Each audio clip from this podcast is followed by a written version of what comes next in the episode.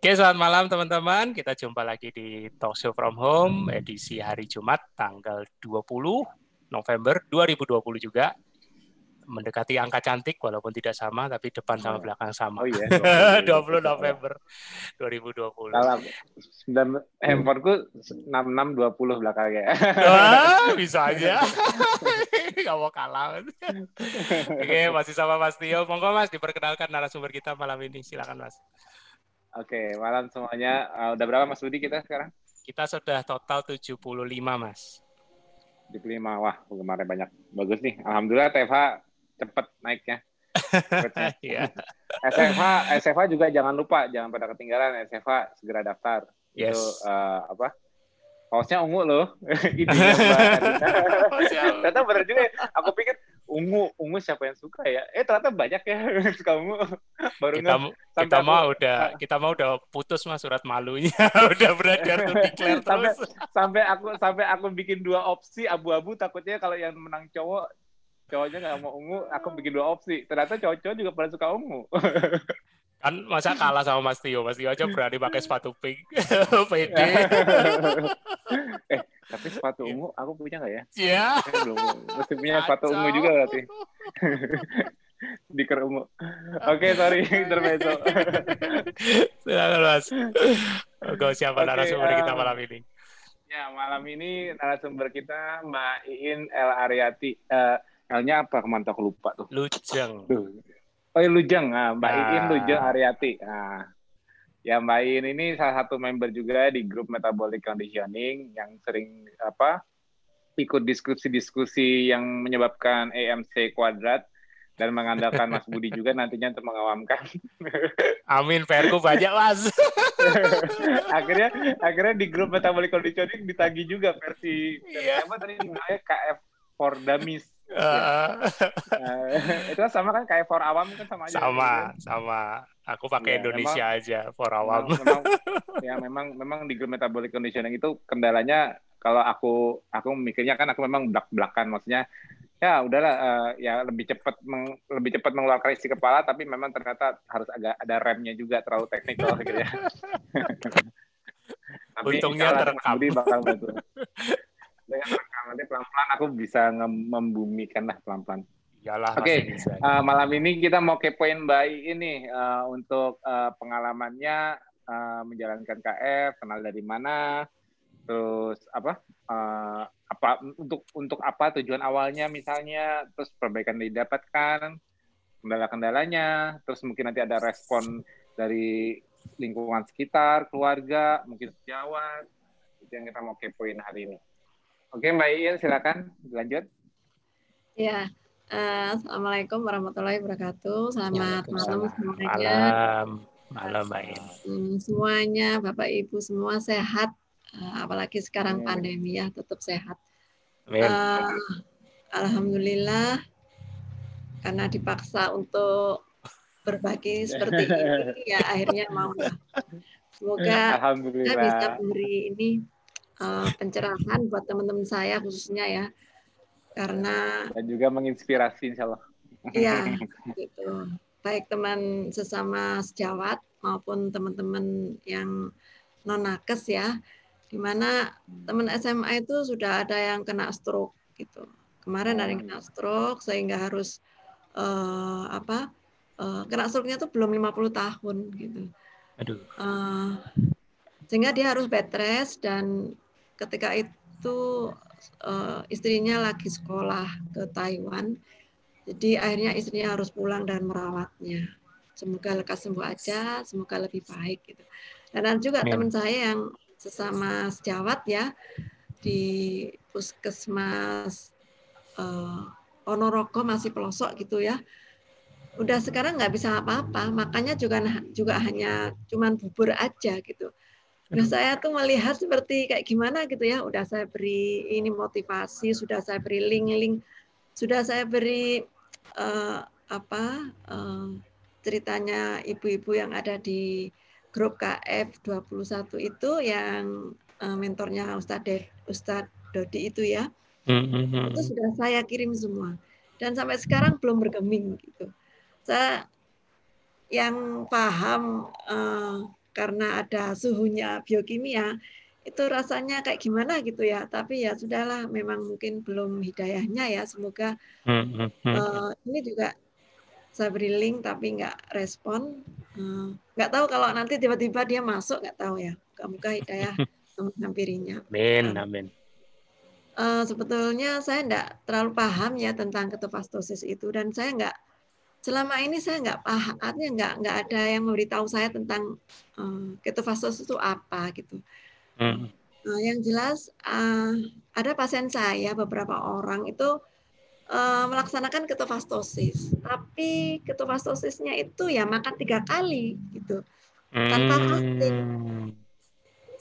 Saya bilang uh, bagaimana minumnya gitu. Ya karena di batu dingin ya kebanyakan orang itu kalau minum itu masih mikir-mikir gitu. Dia lebih baik makan daripada minum. Saya hanya apa eh, yang terbayang pada saya adalah bagaimana ginjalnya gitu loh. Kan hmm, minumnya hmm. kurang ya hmm, terus makannya banyak. Uh, apalagi di daerah alun-alun itu penjual itu waduh sudah. Apalagi kalau Sabtu Minggu membludak yang jual baik yang baik sebelum pandemi maupun sekarang itu sama gitu. Nah, kalau saya pribadi ya sejak dulu uh, saya selalu mikir ya ketika sudah lulus ada orang sakit waktu itu uh, tahun uh, baru 2000-an ya awal 2000-an itu orang-orang sakit itu kan di atas kurang lebih 60 tahun gitu ya baik itu hipertensi, stroke, hmm. diabetes gitu. Hmm. Semakin ke sini itu usianya kok semakin ada yang 25 kemarin ada sejawat saya itu ngirim uh, uh, apa pasien bengkak yang akhirnya harus di HD. Gitu. Masih usianya 25 dan nggak tahu sebabnya apa. Gitu. Nah, itu ironis ya bagi kami bahwa hmm. uh, sebetulnya bisa dicegah dengan banyak minum. Gitu. Tapi kok apa dia memang nggak tahu atau banyak sebab yang akhirnya ya mungkin ini kayak hidup kali ya. Gitu. Hmm. Nah, kemudian saya berpikir bahwa uh, karena saya Muslim ya, saya selalu berpikir uh, Rasulullah uh, Nabi saya itu mengajarkan uh, bahwa kalau makan itu secukupnya lah asal punggungnya itu bisa tegak gitu ya. Hmm. Itu ada hadis riwayat Tirmizi kalau salah. Yeah. Kalau Allah ya Tirmizi itu. Kemudian ada juga lagi hadis yang sepertiga lambung itu untuk makanan padat, sepertiga untuk cairan dan sepertiga lagi untuk udara. Nah, kalau setiap hari kita penuhi itu lambung itu jadinya kayak apa gitu loh dan ketika orang bulan Ramadan itu eh, angka yang kontrol angka sakit ya angka kunjungan kesakitan itu relatif menurun dibandingkan hari-hari biasa hmm. padahal kalau kita pikir bahwa eh, puasa itu tidak hanya bulan Ramadan ya bagi muslim tetapi juga di bulan-bulan lain itu dianjurkan untuk berpuasa Hmm, Misalnya puasa Daud, Senin Kamis, dan lain sebagainya. Hmm. Tapi kebanyakan kok orang hanya mengindahkan puasa Ramadan gitu loh. Tanpa uh, lebih patuh lagi melaksanakan puasa sunnah.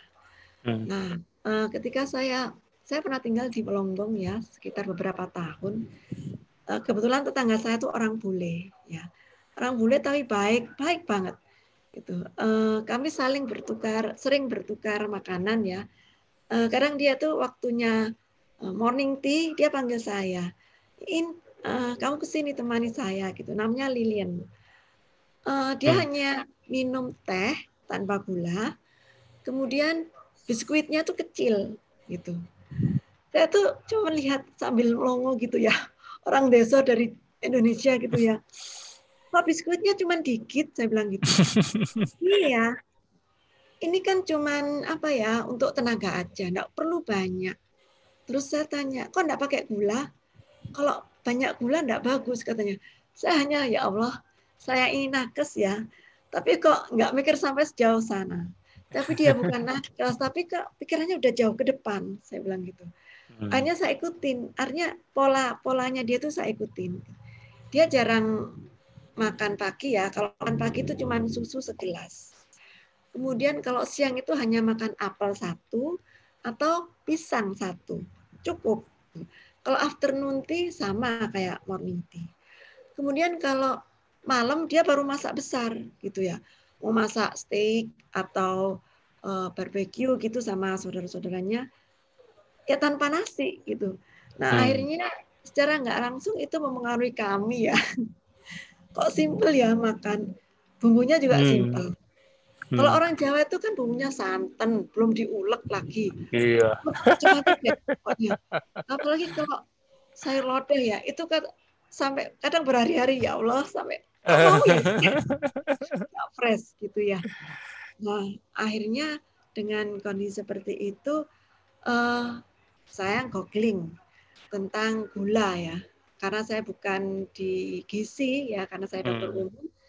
Saya googling akhirnya saya share ke suami iya ya kita itu akhirnya suami gini wes sekarang nggak pakai gula gitu sekian tahun yang lalu nah akhirnya ketika kami pagi minum kopi tanpa gula gitu hmm. aja nggak saya ajarkan tapi uh, makannya masih tetap nasi gitu orang Jawa kalau belum nasi itu nggak marem katanya Astagfirullah nah uh, akhirnya pandemi ini saya terdampar terdampar di uh, uh, apa namanya webinarnya Dokter Piprim ya. Ah, oke. Okay. Ya, dari situ.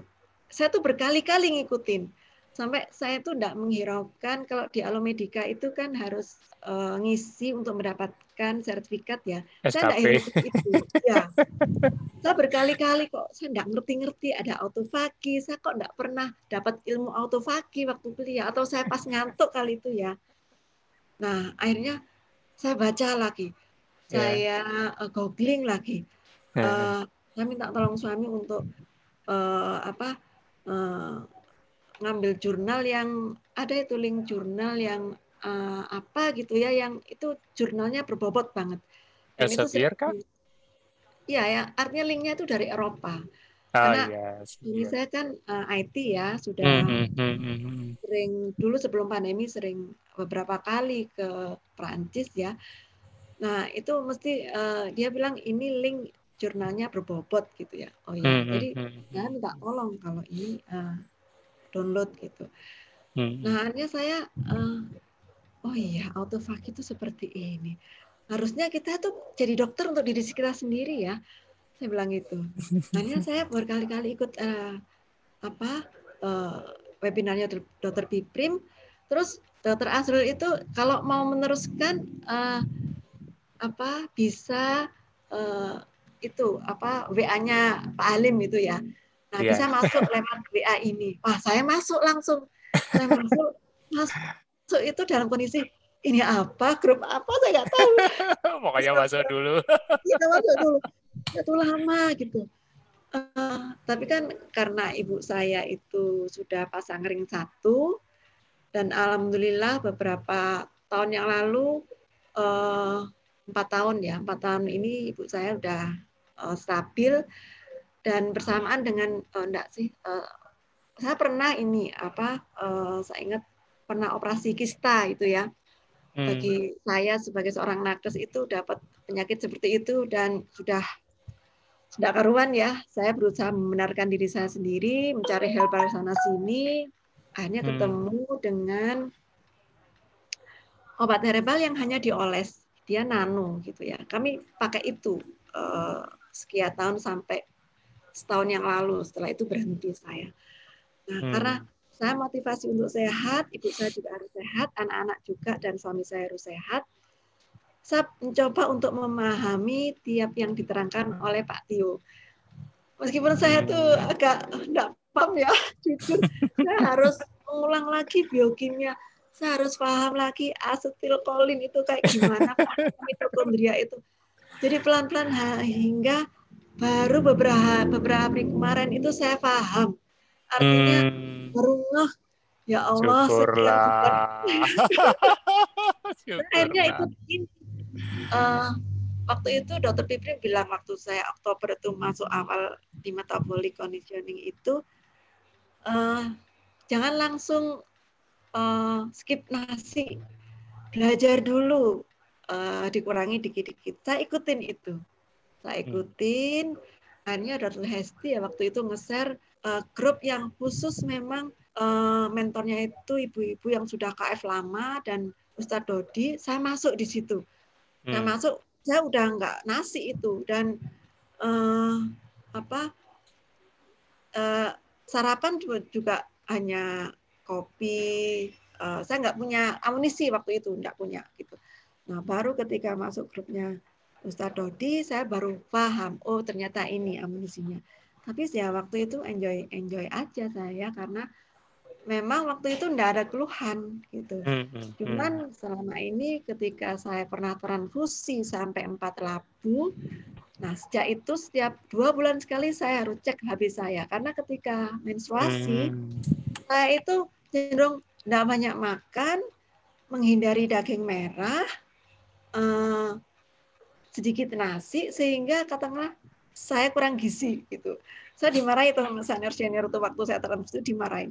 Akhirnya saya harus TKTP TKTP itu saya waduh saya harus makan nasi. Saya bilang gitu. Saya melar saya? Saya itu juga waktu ini enggak uh, pakai kontrasepsi ya karena waduh saya nanti kalau pakai kontrasepsi badan saya melar enggak karuan ini saya. Jadi waduh saya tuh worry banget jadi ketika masuk KF saya cerit, dengar apa uh, membaca cerita ibu-ibu yang udah pengalaman KF lama lebih dari tiga tahun ya. saya insya Allah saya harus ikutin ini saya bilang gitu. Saya harus punya niat yang kuat supaya sehat tidak bergantung uh, vitamin uh, kimia ya. Uh, jujur saya dari awal itu tidak sakit pun kalau nggak terpaksa minum obat saya nggak minum obat saya biasanya konsumsi uh, selain propolis, uh, habatus sauda, olive oil. Hmm. Jadi ketika ibu saya pasang ring, saya tuh cuma gini, waduh nanti kalau saya LDL saya tinggi juga gimana? Jadi saya minum olive oil gitu hmm. karena tujuannya itu. Jadi setiap bulan saya juga uh, dua bulan sekali, ibu saya enam bulan sekali periksa IDL, HDL itu ya profil lemak. Saya juga ketika masuk KF itu uh, eh, LDL saya cuma 70 gitu. Hmm. Jadi ketika mau benar-benar KF saya gini, waduh, nanti LDL saya berapa ini? Jadi alhamdulillah karena uh, apa gula darah uh, targetnya itu di bawah 80, saya husnuzon aja, Bismillah karena saya takut masih belum berani ya, bukan takut masih belum berani ke lab, lab besar. Saya masih yang itu pakai uh, apa dalam periferi itu, iya. Uh, uh. itu terkontrol lah uh, karena ini uh, ya alhamdulillah. Ya sampai saat ini itu yang bisa saya ceritakan. Jadi uh, selain motivasi uh, memang nyunah ya karena artinya uh, sesuai artinya saya ingin seperti Rasulullah ya uh, sakit ya bolehlah sakit artinya enggak sampai berat-berat gitu ya ya nah. ringan lah ya. Katanya sakit itu kan punggur dosa ya, ya karena sudah mengalami banyak hal ya. Operasi kista sudah pernah transfusi sampai empat lapu. Jadi uh, jujur sekarang ini saya ke teman-teman SMA kecuali ke teman nakes ya. Pasti saya diketawain deh. Saya belum berani kalau teman nakes di se, se kelas saya dulu saya belum berani. Saya diketawain soalnya. Kenapa nah, diketawain mbak Iya, saya gini, ngapain kamu susah-susah? Oh, uh, ya, susah diet. Saya bilang, saya ini nggak diet, saya ini fasting. Fasting, tapi uh, ketika saya Senin Kemis saya puasa uh, sesuai tuntunan, saya berusaha menjaga nggak banyak makan karena kalau saya makan nafsu saya nanti saya nggak bisa mendirikan nafsu. Ketika ada uh, apa namanya kue gitu, ya memang saya ngicipi dulu ya, tapi nggak sampai eh. menghabiskan gitu enggak. Kalau saya belanja buah gitu, ya belanja kak, tapi saya enggak pernah menghabiskan karena uh, ketika di rumah banyak buah, ya katakanlah marem gitu ya, sampai ibu saya tuh ini beli tapi nggak dimakan sampai busuk-busuk gitu jadi ya Allah saya ini kayak gimana gitu ya karena rumah saya itu kan jauh dari pasar ya jauh dari oh. apa Super Indo gitu ya jarak satu kilo dari rumah sehingga jadi semacam jaga-jaga ya Iya Oh. Terus nggak ada orang jualan depan rumah nggak ada. Hmm. Itu karena di depan rumah jalan besar. Jadi hmm. seperti di kompleks perumahan itu nggak ada jualan seperti itu. Meskipun hmm. saya dulu kepingin gitu ya, tapi karena nggak ada, gimana lagi? Akhirnya nyetok. Nyetok tuh kadang sampai buahnya tuh sampai mekeret gitu di dalam lemari es itu. sampai kadang uh, daging itu sampai tiga hari sudah sudah tiga hari kadang sampai kering gitu akhirnya dibuang kayak gitu ya alhamdulillah sekarang uh, dengan masuk KF ya udah uh, kalau saya pribadi ya udah bulan kedua ini sudah mulai terkontrol lah gitu artinya hmm. apa yang dulu tidak baik uh, insya Allah uh, memperbaiki sekarang. Dan juga saya tidak tidak uh, dua bulan ini tidak apa konsumsi vitamin uh, kimia gitu. Jadi hmm. kalau misalnya ini saya makan hati kadang enak juga ya. Uh, kalau enak saya ini makan agar-agar itu gitu. Hmm. itu sih uh, total sudah berapa lama ya mbak Iin ya Uh, kalau saya sendiri ya mm, ini masuk bulan kedua ya. Kalau di oh, grupnya Ustaz Dodi itu ini pekan ketiga. Kalau mau keempat pekan ya pekan ketiga ya sekarang. Iya iya iya. Berarti berarti masih satu angkatan sama Dokter Daryati kemarin. Iya, iya, iya, soalnya motivasi itu ya. Saya gini, uh, alhamdulillah saya nggak seperti beliau-beliau ya. Uh, memang saya itu males makan gitu ya dalam tanda petik karena saya di rumah itu dulu biasa sendiri. Saya kan satu bersaudara saya tok ya. Jadi ibu saya tuh menyediakan makanan apa pun ya sekedar makan aja gitu. Formalitas kayak nyicipin gitu ya. Iya. Oh. Mungkin karena uh, kondisi di rumah enggak banyak saudara jadi nggak nggak ada istilahnya rebutan, nggak hmm. ada istilahnya dulu-duluan, nggak ada Hmm. Ya akhirnya uh, yang bantu-bantu di rumah itu yang banyak makan gitu.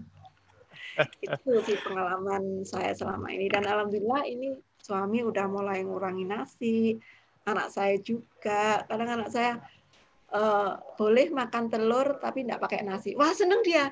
Jadi banyak. Umur berapa itu anaknya?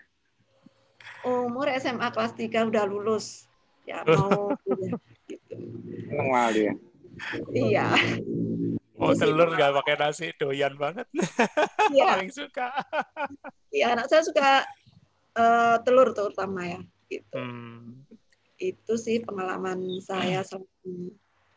Berarti kalau aku tangkap dari ceritanya Mbak Iin, ini murni benar-benar uh, mau sehat gitu ya. Karena ya, kan karena melihat sekeliling itu satu teman sejawat, terus teman SMA ya. juga pada kena, ibunya ya. sendiri juga sudah pasang ring ya kan. Ya. Jadi langsung langsung langsung mikir ya ke depan ya. itu iya. seperti apa. Iya. Ini ini Mbak ini nih kalau aku uh, dengerin sekilas terus baca gininya, ini sistematis banget or orangnya orangnya terencana jangan sampai jangan sampai ada yang nggak terantisipasi ibaratnya gitu. Nah, iya, masa uh, kalau sudah tua pasti uh, minum obat, masa seperti itu? Nah itu ya. Kayaknya iya. kayaknya harus ada jalan lain berarti ya. Iya. Masa gitu. takdirnya kalau sudah apa kena penyakit udah karena umur terus penyakitan kayaknya Enggak gitu deh. Kayaknya ada sesuatu yang nolak gitu. Nah, itu. Saya punya uh, apa uh, ada uh, eyangnya suami saya ya. Dia ngajar di UNER, ahli gizi Prof Aryani itu sudah seto. Itu usia 80 itu masih setir sendiri. Wah. Gitu. Jadi uh, menambah inspirasi saya ya karena beliau ya, ya, ngajar ya. juga. Jadi waktu beliaunya nggak ada itu kurang lebih setahun itu karena katanya ya kata putranya kena CA gitu loh. Hmm. CA apa ya dok ya? Nggak nggak tahu ya. CA CA uterus CA dalam kandungan itu loh. Oh oke. Okay. Iya gitu.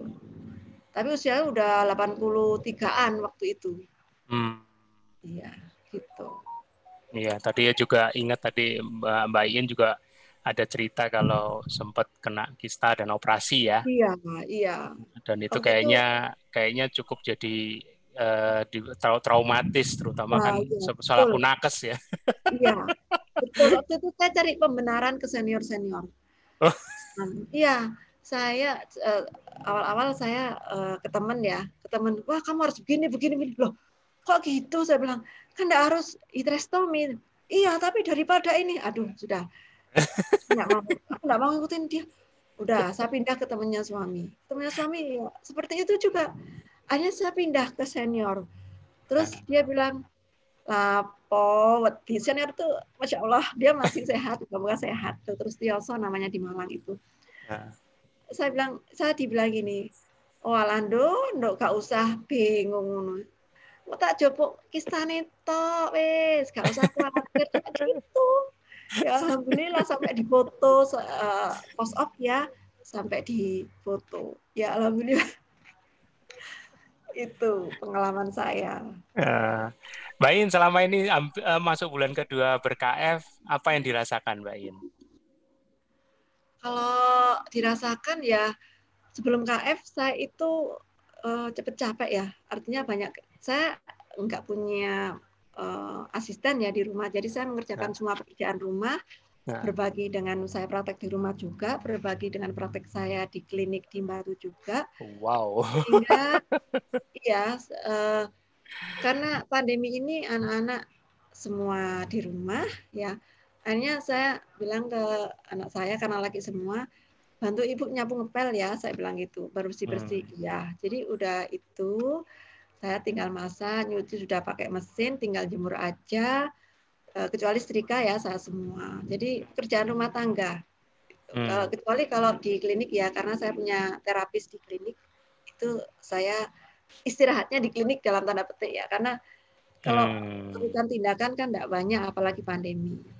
Ya. Gitu. Yeah. Jadi uh, lebih enteng sekarang itu. Jadi uh, ibu saya tuh bilang, kamu tuh dari pagi belum makan kok banyak kerjaan sampai jam satu belum makan. Ke mana-mana wis. Ngapain ngapain aduh nanti gimana kalau sakit? Sama ibu saya tuh bilang gitu. Ya alhamdulillah cuman kemarin itu sakit gigi ya karena gigi saya berlubang. Belum oh. di Graham itu. Nah enggak, saya nggak berani ke temen. Dokter gigi. Berani. itu sakit banget gitu. Saya tanya di Pak Tio mungkin katanya mungkin itu inflam apa HC gitu. Oh mungkin ya HC tapi semalam hampir semalam nggak bisa tidur. Karena saya nggak mau minum obat saya tahan dulu. Saya cuman kasih propolis saya nggak punya amunisi waktu itu. Nggak punya IH juga. Jadi ya udah biarin saya bilang gitu. Mungkin ini harus saya rasakan biar nanti tidak mudah menasihati orang. Biasanya kalau dokter ya sepengalaman saya uh, kalau bilang enggak sakit bu, enggak sakit begitu ya. Padahal sebetulnya itu sakit ya. Cuma aja gitu. Akhirnya uh, saya cuma saya timur propolis. Semalam udah udah enakan gitu. Jadi yeah. saya aktif lagi, enteng lagi. Bahkan saya treadmill itu sampai 10 menit lari itu ya semakin hari itu tambah lama ya kok semakin kuat gitu loh Nggak gampang keringetan ya?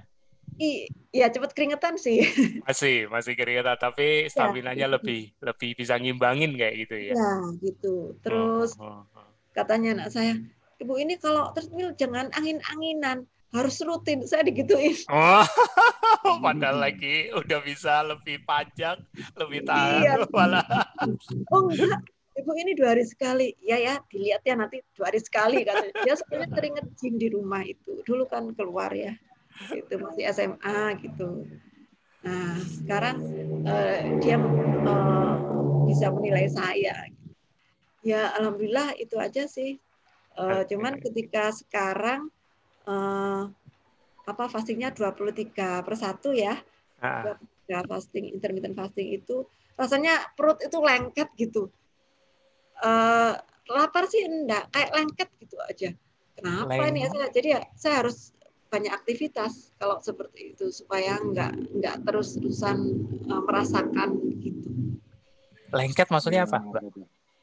Rasanya buat saya tuh jadi kalau saya lihat di iklan itu kan uh, ada orang perempuan terus uh, mungkin perutnya tipis ya jadi nah.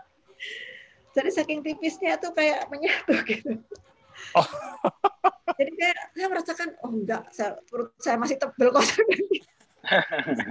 Jadi mungkin karena enggak makan itu kali ya kan enggak pernah sih saya seperti itu sampai 23 jam enggak makan tuh enggak pernah gitu. Ya baru kali ini dan sensasi baru.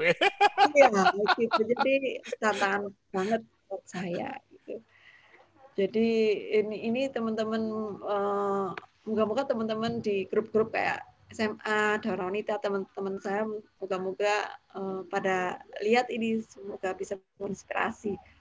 Amin. Ada yang sudah uh, apa WA saya, sama UKF katanya beliau kena hipertensi gitu. Oh iya, nggak apa-apa.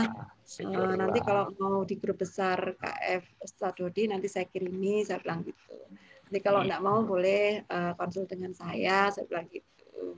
Yes. Mantap. Dok, sudah sudah cek lab lagi nggak? Udah berani belum? Saya belum berani lab. Belum berani. belum berani ke lab besar. Kan, kan di grup itu gini, nanti kalau uh, eh, LDL-nya masih uh, nah, itu. tinggi, ya, kayak gitu. Ayo, bismillah. Pengen tahu ekspresinya Mbak Iin soalnya kalau LDL-nya iya. meroket. Iya udah Bismillah aja. Tapi aman kok. Nanti sama Mas Dio di refresh lagi. Makanya ini udah tahu teorinya gitu. Tinggal uh, melihat hasilnya aja. Gitu. Tapi yang penting sih sebenarnya yang dirasa di badan. Iya, betul itu dia. Kalau kolesterolnya tinggi, seperti yang dikhawatirkan, pasti badan juga nggak sefit seperti sekarang. Bedanya di situ. Iya. Soalnya kan ada normal lab di KF itu ya. Ya, itu, KF, itu, KF itu, punya rata -rata aja. itu rata-rata. Kalau target sebenarnya sih, target adaptasinya sih sebetulnya gula darah.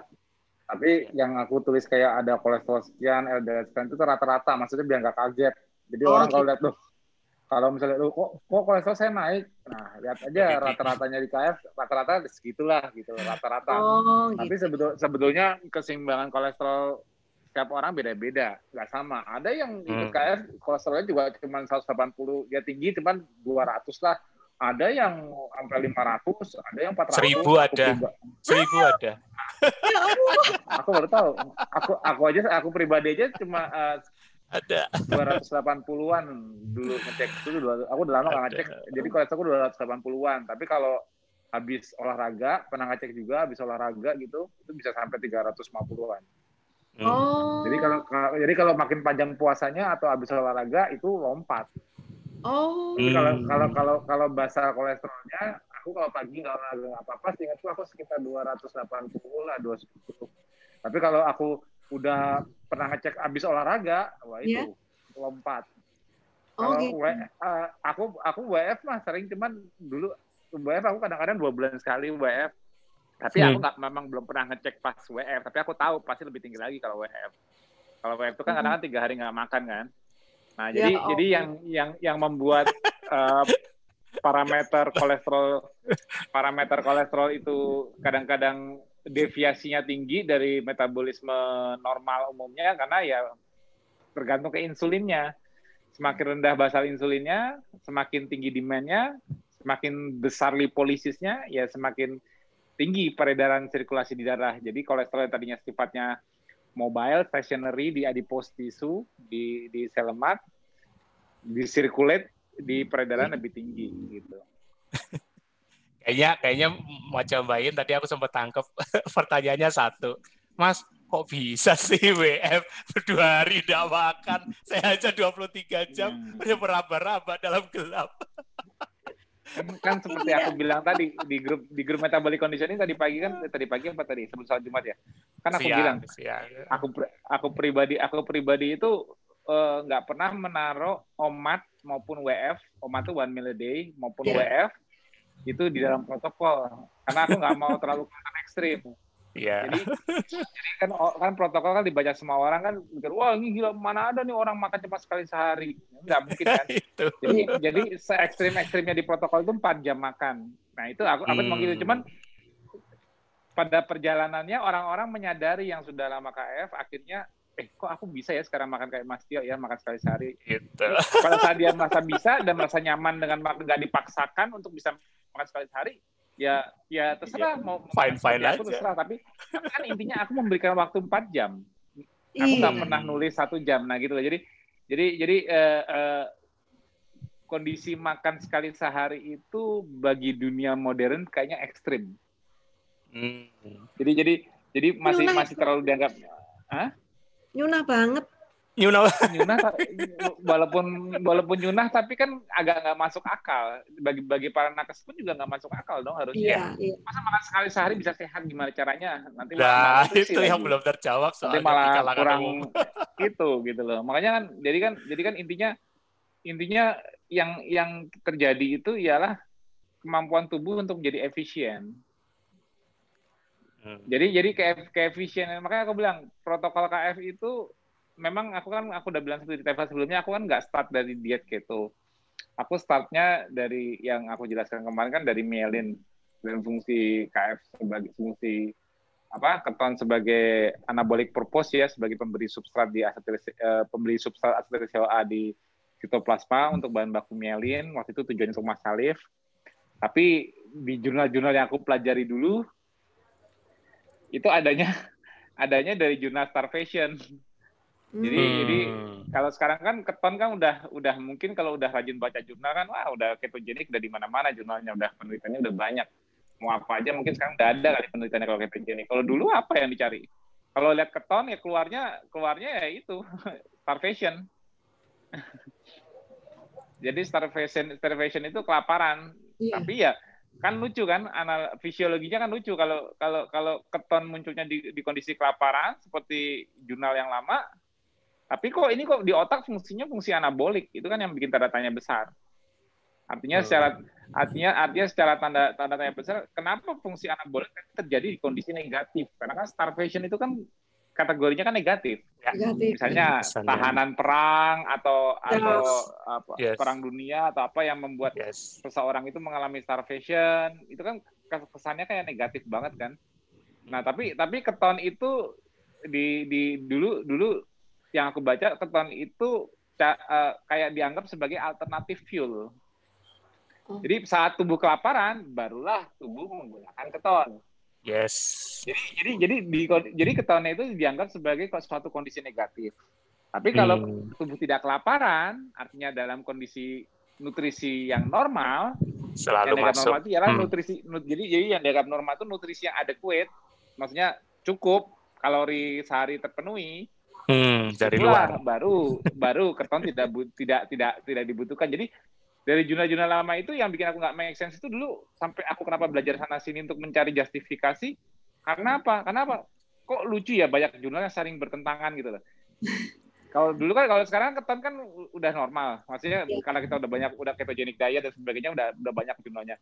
Tapi kalau dulu keton nggak normal. Tapi aku berusaha menormalkan. Aku berusaha mencari benang merahnya.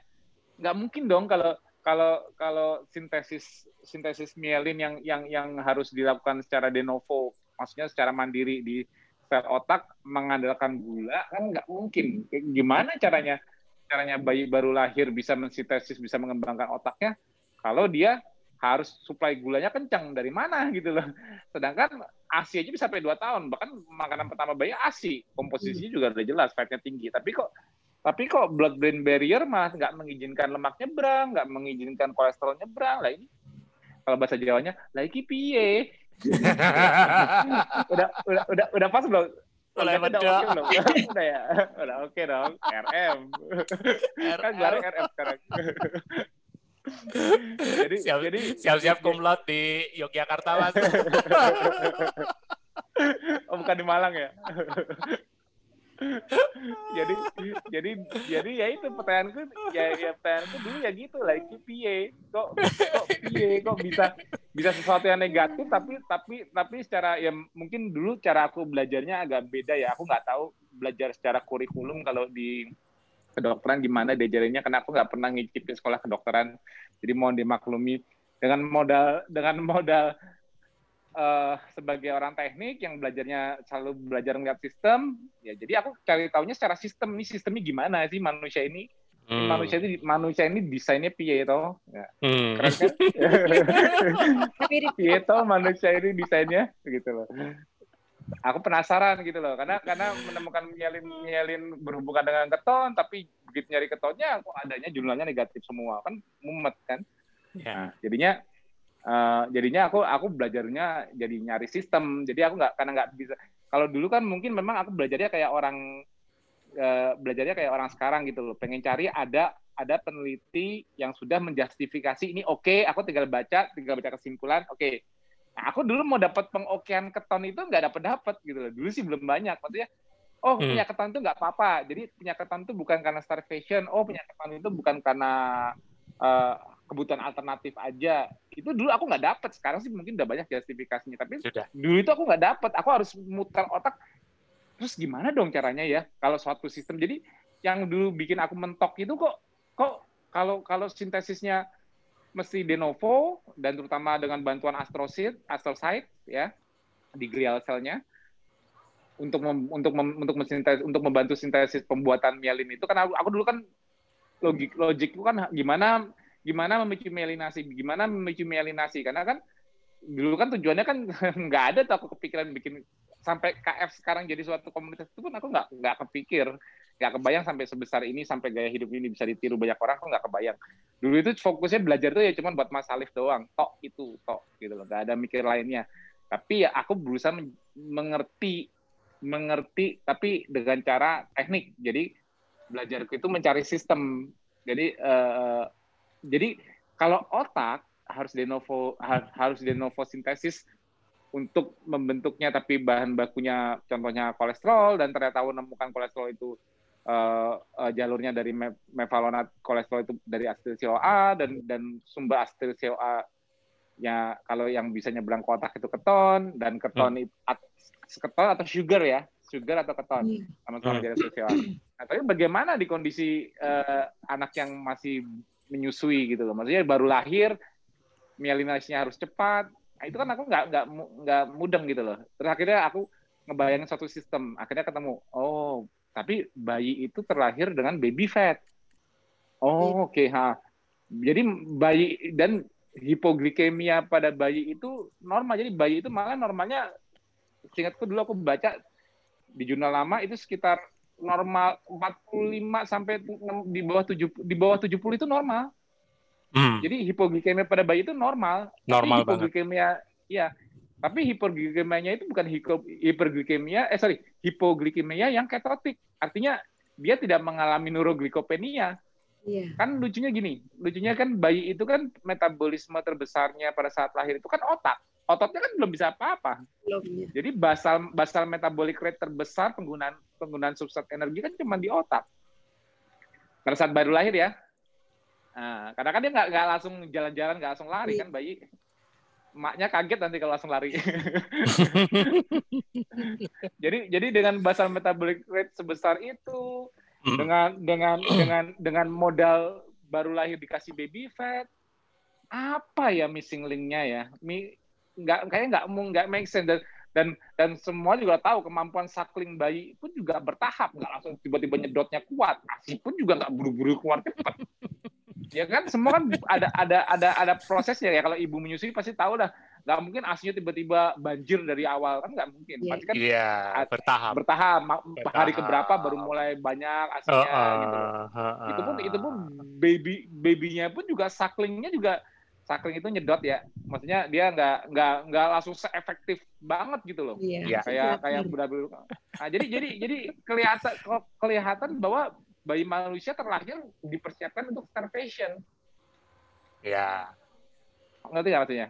Ya. Menghadapi dulu starvation melalui, dulu. Ya, hmm. Karena dia harus melalui periode tersebut dan dan dan dan dari situ aku aku memahami secara secara otak teknikku ya, secara otak, otak teknikku aku melihat sistemnya ternyata aku selalu mikir gini kayaknya semua itu harus ada kontrolnya deh jadi kalau kalau kalau dari sisi dari sisi seorang engineer kita kalau bikin mesin apa pun kalau mau awet semua itu ada kalau sempurna itu kalau ada kontrolnya bisa hmm. bisa self maintenance gitu loh Hmm. Maksudnya bisa bisa ada negatif feedback atau positif feedback dari apa pun res, stimuli lah kalau di dalam biologi stimulinya harus ada responnya. Nah, semuanya itu kayaknya homeostasisnya itu aku jadi aku berusaha mencari homeostasisnya. Jadi aku belajarnya bukan belajar patofisiologi, bukan bukan terhadap patologi, fisiologi normalnya dulu bagaimana. Kalau udah hmm. patologi kan udah terganggu. Yeah. Kalau patologi itu kan sudah terjadi gangguan. Yeah. Dan yeah. cara mengobatinya kan mungkin beda-beda. Tapi sebelum yeah. terganggu itu harusnya seperti apa? Itu dulu nah, yang aku berusaha yeah. paham dulu. Yeah. Nah, dari situ baru aku dapat make sense-nya semuanya. Oh, jadi secara secara engineering tubuh tubuh manusia pada saat keluar dari rahim ibunya dipersiapkan untuk starvation. Oh, hmm. tapi yang utama dalam dalam survival seorang manusia, spesies manusia di muka bumi, begitu dia lahir dari rahim ibunya, dia itu harus terlahir harus berusaha menyempurnakan uh, otaknya dulu. Mungkin kalau misalnya spesies lain buru-buru mengembangkan lokomotornya supaya lokomotor itu cara dia bergerak, terbang dan sebagainya hmm. supaya dia bisa supaya dia bisa selamat dari ancaman predator. Yes. Ya, tapi kalau manusia itu kan agak unik. Manusia itu malah malah malah tergantung sama induknya sampai 9 bulan, kelamaan gitu. Kalau kalau dibanding spesies lain, spesies kita itu kelamaan, kelama, iya. kelamaan dilindunginya. Mandirinya itu susah. Tapi kok malah manusia yang superior di muka bumi kalau dilihat secara kita kan masuk kita kan sebenarnya manusia ini kan masuk ke dalam animal kingdom. Hmm. Secara secara secara fisiologi struktural walaupun walaupun uh, kita consciousnya jauh lebih tinggi dibanding spesies lain, tapi secara struktural makanya kita sering makanya untuk mempelajari manusia kan juga sering mempelajari dari primata, mempelajari dari yeah. tikus, mamalia, karena kan strukturnya sama. Mirip. Bedanya kan kita bedanya kan kita consciousnya, consciousnya kita tinggi. Kita hmm. punya akal akal kita yang membedakan manusia bisa seperti itu kan ternyata otak, bukan hmm. bukan bukan lari kita yang lebih cepat kan? Bukan bukan taring kita yang lebih tajam kan? Bukan kuku kita yang lebih tajam kan? Iya. Bukan karena kita bisa melihat di malam hari, bisa memangsa lebih baik dibanding spesies lain kan bukan. Iya. yang membuat kita yang membuat kita luar biasa sebagai manusia, derajat paling mulia kan apa? Yang bikin derajat paling mulia bicep kita, dada kita, otot kita. Apa ini? ya itu kan jadi kan jadi jadi jadi pentingnya otak pentingnya otak bagi pentingnya perkembangan otak bagi manusia itu yang membuat semuanya tuh jadi jadi gamblang aku kelihatan semua sistemnya gitu loh jadi hmm. jadi begitu ya mungkin ya mungkin takdirnya memang Mas Alif dikasih masalah di otak, jadinya aku menemukan clue apa pun dari otak. Yes. Gitu loh. Jadi jadi jadi jadi otak itu cerminan segalanya membuat make sense why ketonnya di awal. Hmm. Karena kalau hmm. kalau kalau aku nggak ngeliat otak, aku kalau misalnya anggap aja aku start dari diet keto, mungkin aku nggak bakal nyambung nyambung dari sekarang. Sampai sekarang aku nggak nggak nggak nggak kepikir bisa sampai bisa menjelasin fisiologi kayak di metabolic conditioning kayak gitu mungkin nggak bakal bisa sampai segitu aku. Ya kan Mbak In lihat sendiri kan kalau aku di guru metabolic conditioning udah kayak alien kan. Tapi tapi Mbak In Mbak In kebayang nggak kok bisa sih orang teknik ngejelasin sampai kayak gitu? Maksudnya ya, kok aku maksudnya aku aku kayak nggak mikir gitu pas cerita langsung keluar terus kalau ada, ada aku perlu bantuan aku ah, aku cari deh, aku cari gambarnya buat bantu, misalnya kadang-kadang baru itu. Tapi aku, aku sih memang dulu belajarnya bukan kayak kurikulum sekolah ya, maksudnya belajarnya itu aku nyari ngerti, bukan nyari ngapal. Kalau hmm. ngapal mungkin aku udah lupa lagi. Makanya aku ya, kenapa bisa kalau habis ditanya, habis ditanya itu langsung kuat bar gitu kayak orang muntah. Ya sebenarnya karena karena sebetulnya jalurnya udah tahu tapi keinget kalau ditanya baru keluar. Tapi aku sebetulnya nggak berusaha ngapalin, tapi memang memang karena dulu prosesnya itu aku berusaha melihat suatu sistem, Hmm. Jadinya kayak inget sendiri gitu, ngerti, ngerti gak sih maksudnya? Oh, aku tuh bukan bukan seorang montir mobil, tapi karena aku dulu pernah ya dulu dulu hobiku waktu zaman kuliah modifikasi mobil sama main mesin. Ya, tapi bukan bukan balapan loh, aku anak baik-baik. Enggak ada tambang tukang balapan kan. Tadi kiranya wah pasti maksudnya dulu orangnya tukang balapan, tukang trek-trekan enggak. Cuma aku dulu hobinya memang hobi main mobil, maksudnya modifikasi mobil, terus sama apa main mesin, terus tapi tapi main mesinnya mesin mesin ciptaanku dulu walaupun aku bukan orang mesin, aku aku belajar sendiri otodidak, aku mesinnya ngetesnya di dyno. Aku pengen menciptakan mesin yang bisa HP-nya besar, makanya sampai dulu aku aku mungkin yang pertama di Asia menciptakan twin charger yang kombinasi antara supercharger sama turbo. Bikin bikin lag sistemnya itu udah lama waktu itu aku bikinnya. Itu aku eksperimen di mobil Kijang. Kok jadi ngomongin mesin sih? Tapi karena tapi karena karena dulu karena dulu aku aku belajar mesinnya itu otodidak dan aku mempelajari mempelajari mempelajari kompresinya juga semua otodidak apanya semua nyimbangin kompresi gimana supaya kalau satu charger masuk tapi dengan ring yang seadanya ini bisa kuat. Aku semua sistemnya aku bikin sistem coolingnya aku aku bikin aku aku membayangkan sistem. Jadi aku orang kebiasa kebiasaan mikir secara sistem bagaimana hmm. sempurnanya suatu sistem. Jadi kalau kalau aku belajar pas aku ditantang untuk belajar fisiologi ya karena aku nggak kuliah di kedokteran ya modalku ya modal modal uh, sistem. Jadi harus sistemnya ngerti dulu semuanya gitu loh ngerti gak sih? Eh, jadi uh, jadi aku aku mencari benang merah benang merahnya dulu nih kenapa ada kenapa manusia punya body fat what for gitu kenapa apa fungsi skeletal muscle? Apa fungsi setiap organ di tubuh kita? Fungsinya apa? Fungsi tiroid fungsi paratiroid apa?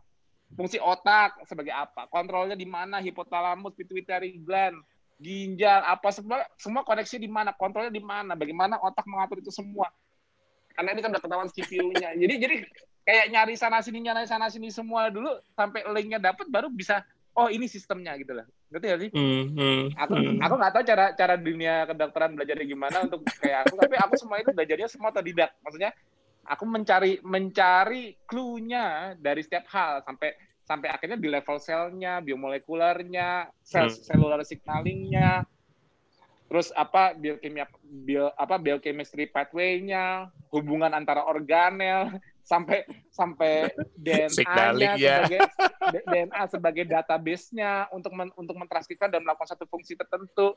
Jadinya aku belajarnya itu dulu berusaha mencari pengertian semua itu sampai bagaimana kita manusia bisa ada fungsinya gitu loh. Nah, itu itu awalnya cuman dari cuman dari hal sepele dulu kok, cuma mielin doang kok.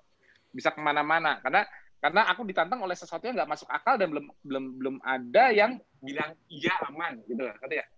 Jadi dulu itu nggak ada yang bilang keton itu aman nggak apa-apa keton itu nggak ada. Jadi jadi jadi kalau sekarang kan mungkin yang masih belum belajar kayak aku kan mungkin masih baru dengar keton wah ketoasidosis kan. Mm-hmm. gitu loh. Gampangnya gampangnya mungkin mereka seperti kayak aku dulu gitu loh. Ah, mm-hmm. itu ketoasidosis itu berbahaya, udah stop nggak mau belajar hmm. lagi. Ya kalau aku dulu kalau aku berhenti gimana? Terus gimana cara cara memicu mielinasi di Mas Alif? Kan nggak bisa. Jadi karena aku dihadapkan dengan kondisi dulu itu nggak masuk akal, tapi harus dibuat masuk akal. jadi belajarnya nggak stop sampai di situ. Jadi ke mana-mana. Jadi jadi ya makanya aku bisa kayak ngelihat semuanya itu ya karena aku ngeliat aku ngeliat manusia itu sebagai suatu sistem. Iya. Hmm. Suatu suatu di mana kontrolnya yang salah kalau misalnya ada gangguan gitu loh. Kontrolnya di mana nih yang salah? Kira-kira gangguannya di mana gitu loh. Jadi jadi kita bisa menelaah suatu patofisiologi itu dari kondisi fisiologi yang belum terganggu akhirnya terganggu. Iya. Jadi ketemu kan benang merahnya kan kalau kita cuma udah lihat patologi dan kita nggak tahu awalnya gimana sebelum ada gangguan kan kita gimana gimana bisa bisa narik benang merahnya atau gitu loh. Karena karena aku aku akhirnya jadi belajarnya jauh dari sekedar biologi. Karena aku pikir akhirnya aku kayak bilang, kenapa sakit itu difungsikan sebagai rasa ingat? Maksudnya ya manusia manusia sama Allah dikasih sakit. Apa pun sakitnya itu kan ya kalau dibilang penggugur dosa ya, tapi sakit itu sebenarnya mekanisme untuk ingat. Iya, benar. Jadi jadi jadi kalau kalau kita nggak pernah sakit kita nggak pernah belajar dari kesalahan ya. kita. Justru ya. karena sakit kita tahu kita salah. Kan kita belajar ya. kan. Nah, tapi tapi sistem sakit itu sekarang treatmentnya gimana di dunia modern? Dibikin untuk bisa ingat nggak akar masalahnya? Kan nggak. Kadang kita kan dikejar kenyamanan, mencapai yeah. langsung mencapai kembali uh, homeostasisnya sehingga penyebab ketidaknyamanannya kan cepat ditutupi dengan cara apa pun. Ya, hmm. walaupun kadang penting karena untuk menyelamatkan kan. Yeah. Kadang penting menyelamatkan. Tapi untuk mencari akar sebenarnya terutama penyakit-penyakit kronik kan jadi nggak ketemu. Karena kan kita pentingnya itu kan mencari yang sebelum terganggu dan ini setelah terganggu. Yeah. Namanya terganggu oleh chronic disease. Ini ada suatu penyakit chronic disease. Apa yang terjadi kok bisa jadi chronic disease? Apa ya apa yang mengganggu gak, mengganggu homeostasis di awal ini? Hingga sekarang hmm. chronic disease. Kalau ini benang merahnya ketemu semua kan kita bisa cut akarnya. Yeah. Yes. Kalau ini chronic disease chronic disease yang alarmnya udah bunyi, udah sakitnya udah udah ke mana-mana, kita tutupin macam-macam di sini, sakitnya memang kelihatannya sih ketutup Iya. semuanya permukaannya. Tapi linknya benang merah nggak ketemu karena karena sebelum sebelum terjadi gangguannya kita belum paham benar sebelum terjadi gangguannya. Iya. Nah, cara belajarku itu kenapa aku belajar sistem? Karena aku mau lihat aslinya nih mobil waktu masih fresh keluar dari showroom fungsinya gimana sih? Sebelum nantinya Hmm. dia ketabrakan di tol mana, sebelum dia nanti akhirnya turun mesin, itu kan udah terjadi gangguan. Tapi normalnya ini mobil sebelum terjadi gangguan, sistemnya gimana gitu loh. Iya. Pabrik Sebelum- pabriknya Sebelum salah memasukkan bahan Iya. bakar.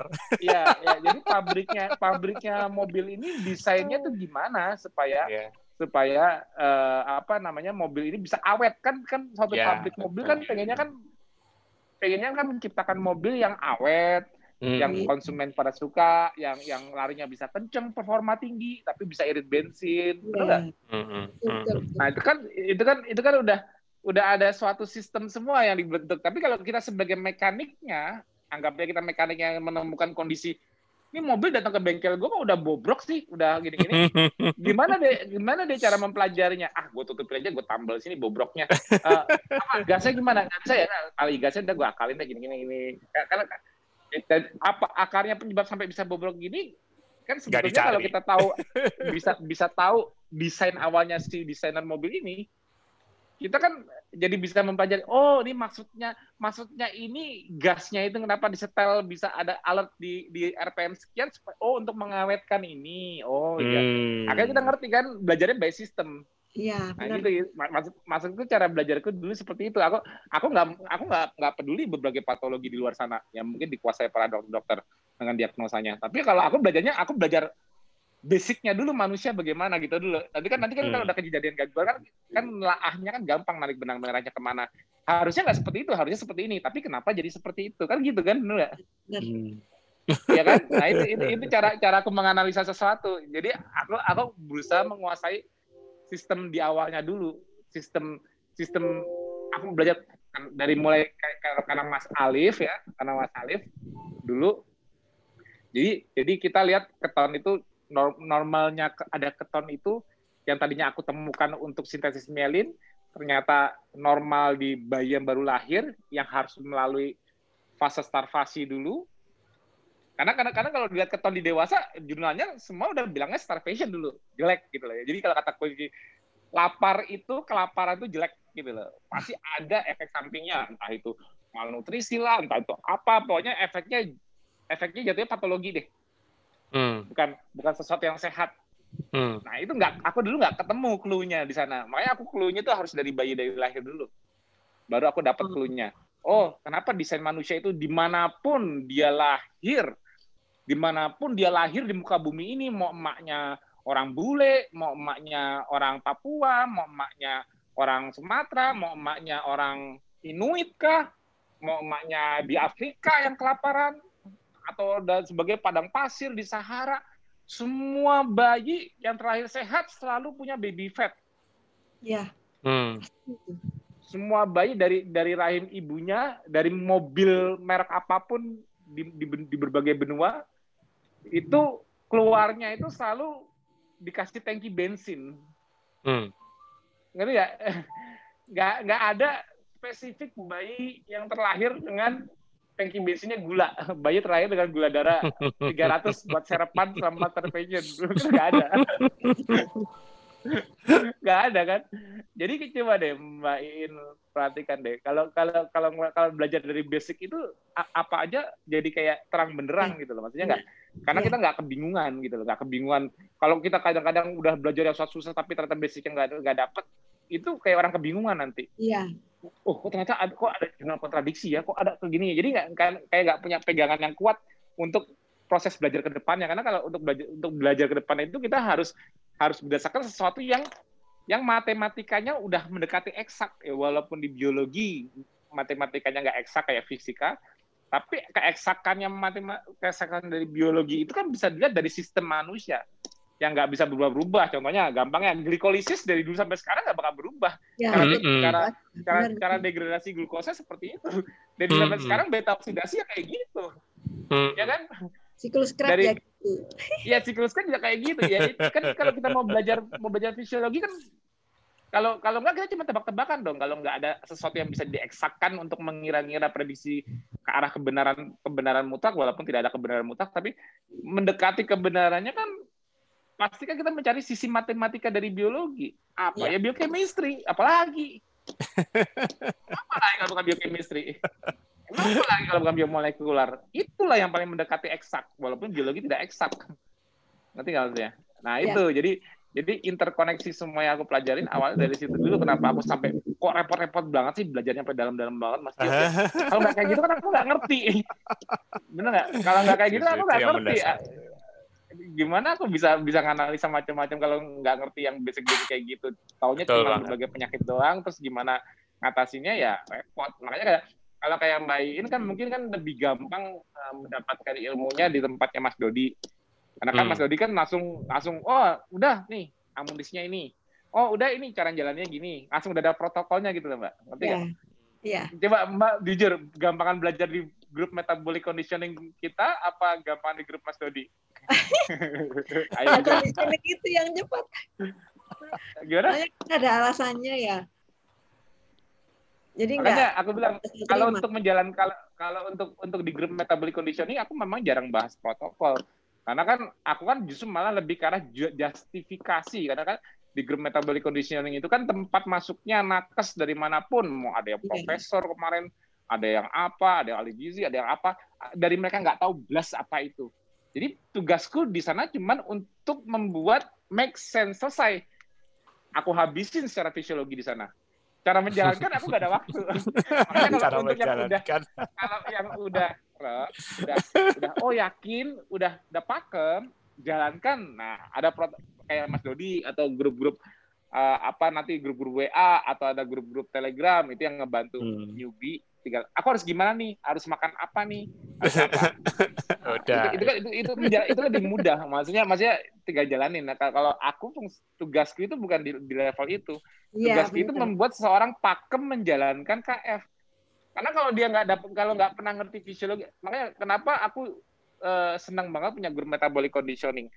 Karena di situ ajang aku berekspresi tanpa perlu banyak mikir panjang untuk mengamamkan. Gitu loh ngerti nggak? Ya, benar, makanya kan kadang-kadang di metabolic conditioning kan banyak keteteran semua kan. Iya.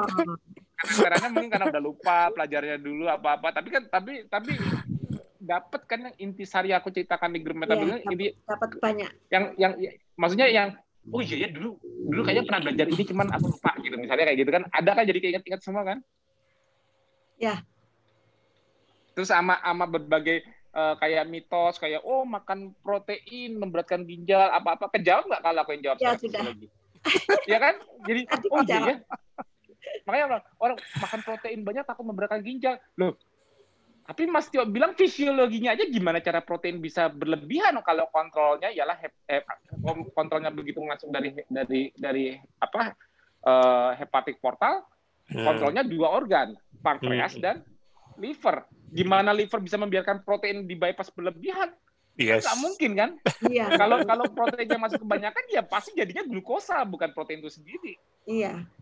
Nggak nggak bakal nggak bakal protein dibikin kelebihan di darah sampai darah atau kepenuhan protein gimana caranya? Nggak bisa kontrolnya aja kontrolnya jadi di liver kok bypass pertamanya jadi di liver begitu aku kasih tahu sistemnya masuk suatu substrat ke, ke digestion langsung melek semua. Oh iya. Jadi jadi jadi yang lainnya cuma gitu. Oh ternyata ternyata cuman cuman spekulasi sama ini. Oh kalau ada orang ginjalnya EGFR-nya EGFR, EGFR-nya sudah triglyceridase-nya sudah rendah, ureum kreatinnya sudah tinggi, itu kalau dicek urin proteinnya keluar. Makanya kalau makan banyak protein tambah keluar lagi nanti. Kayak gitu kan pemikiran paling basic tanpa lihat fisiologi, benar nggak sih? Iya. Ya memang sih kalau secara kalau kita membayangkannya yang nggak ngerti fisiologi membayangkan secara awam, eh orang gagal ginjal aja proteinnya pada keluar ke urin. Itu pasti gara-gara ngebayangin itu kayak proteinnya banyak terus neken iya. filtrasi ginjal terus keluar gitu loh. Kok bilang bilang kok simple banget sih ya mikirnya ya. dan itu dan itu jadi fenomena. Eh, itu yang aku bilang.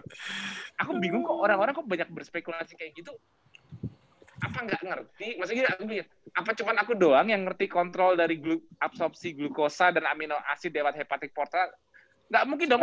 Orang makan nelen nggak ada kontrol gimana nih amino asid bisa nyebrang ke sirkulasi? Lewatin aja terus makan jadi seakan-akan makan protein itu kayak nyuntikin protein ke darah serot.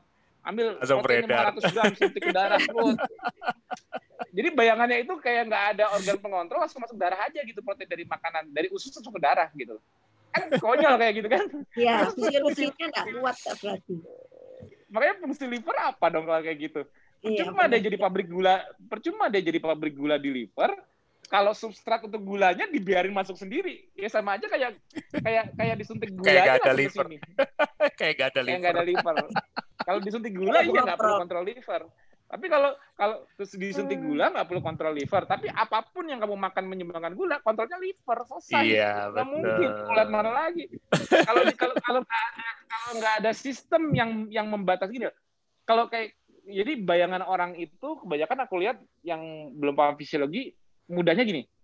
Aku makan nasi nasi sekian gulanya masuk sekian gulanya bakal sekian di darah jadi kayak kayak nasi itu kayak jadi gula setelah dipecah jadi gula terus disuntikin ke darah gitu kayak bayangannya kayak gitu kayaknya aku lihat sih nggak nggak Hmm. terlalu dari usus tuh kayaknya langsung ke darah gitu mikirnya Dari Padahal, padahal nggak nggak nggak segampang itu. Kalau gitu liver nggak usah ada aja, biar aja gula monggo ya. Kalau nggak gula masuknya nggak usah usus, gula masuknya lewat lewat darah aja terus. Livernya pindah kan? ke usus, Mas. iya itu lah, makanya makanya sistem sinusoidal di sinusoidal penyerapan itu digestion dari, Ya, dari memang, penyerapan di memang. usus, dari kontrolnya sebelum masuk sirkulasi, cara suatu sistem di tubuh mencegah gli, mencegah overglikemia atau yang disebut hiperglikemia itu Hmm. apa? Hmm. Bagaimana bisa mensignal, bisa memberikan sinyal untuk kontrol di dua sisi. Kalau glikemianya naik, satu tahu cara memberikan sinyal untuk menurunkan glikemianya yaitu pankreas. Jadi Hmm. pankreas dan hep, dan pankreas dan hepat Liver. dan dan dan, dan liver hepatosit ini harus bisa mensensing yang sama. Hmm. Apalagi kalau dalam tujuan dalam tujuan menjaga glikemia agar tidak Hmm. hiperglikemia. Ya.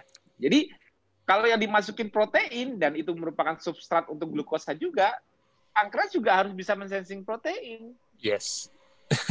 makanya kan makanya pernah aku kasih bagannya bahwa selain aku kasih grafiknya bahwa protein memicu insulin dan glukagon, tapi Heeh. aku pernah ngasih pernah ngasih eh, apa enzim PEPCK M Hmm. mitokondrial. Jadi Ya. Ya, jadi PPCK PPCK itu bukan bukan hanya di sitoplasma walaupun kalau di liver itu gluconeogenesis enzim limiting rate-nya ialah PPCK tapi aku pernah nunjukin kalau di pankreas malah PPCKM yang Hmm. yang dengan dengan koordinasi dengan GTP. Jadi bukan ATP jadi GTP untuk mengizinkan keluarnya jalur kataperosis.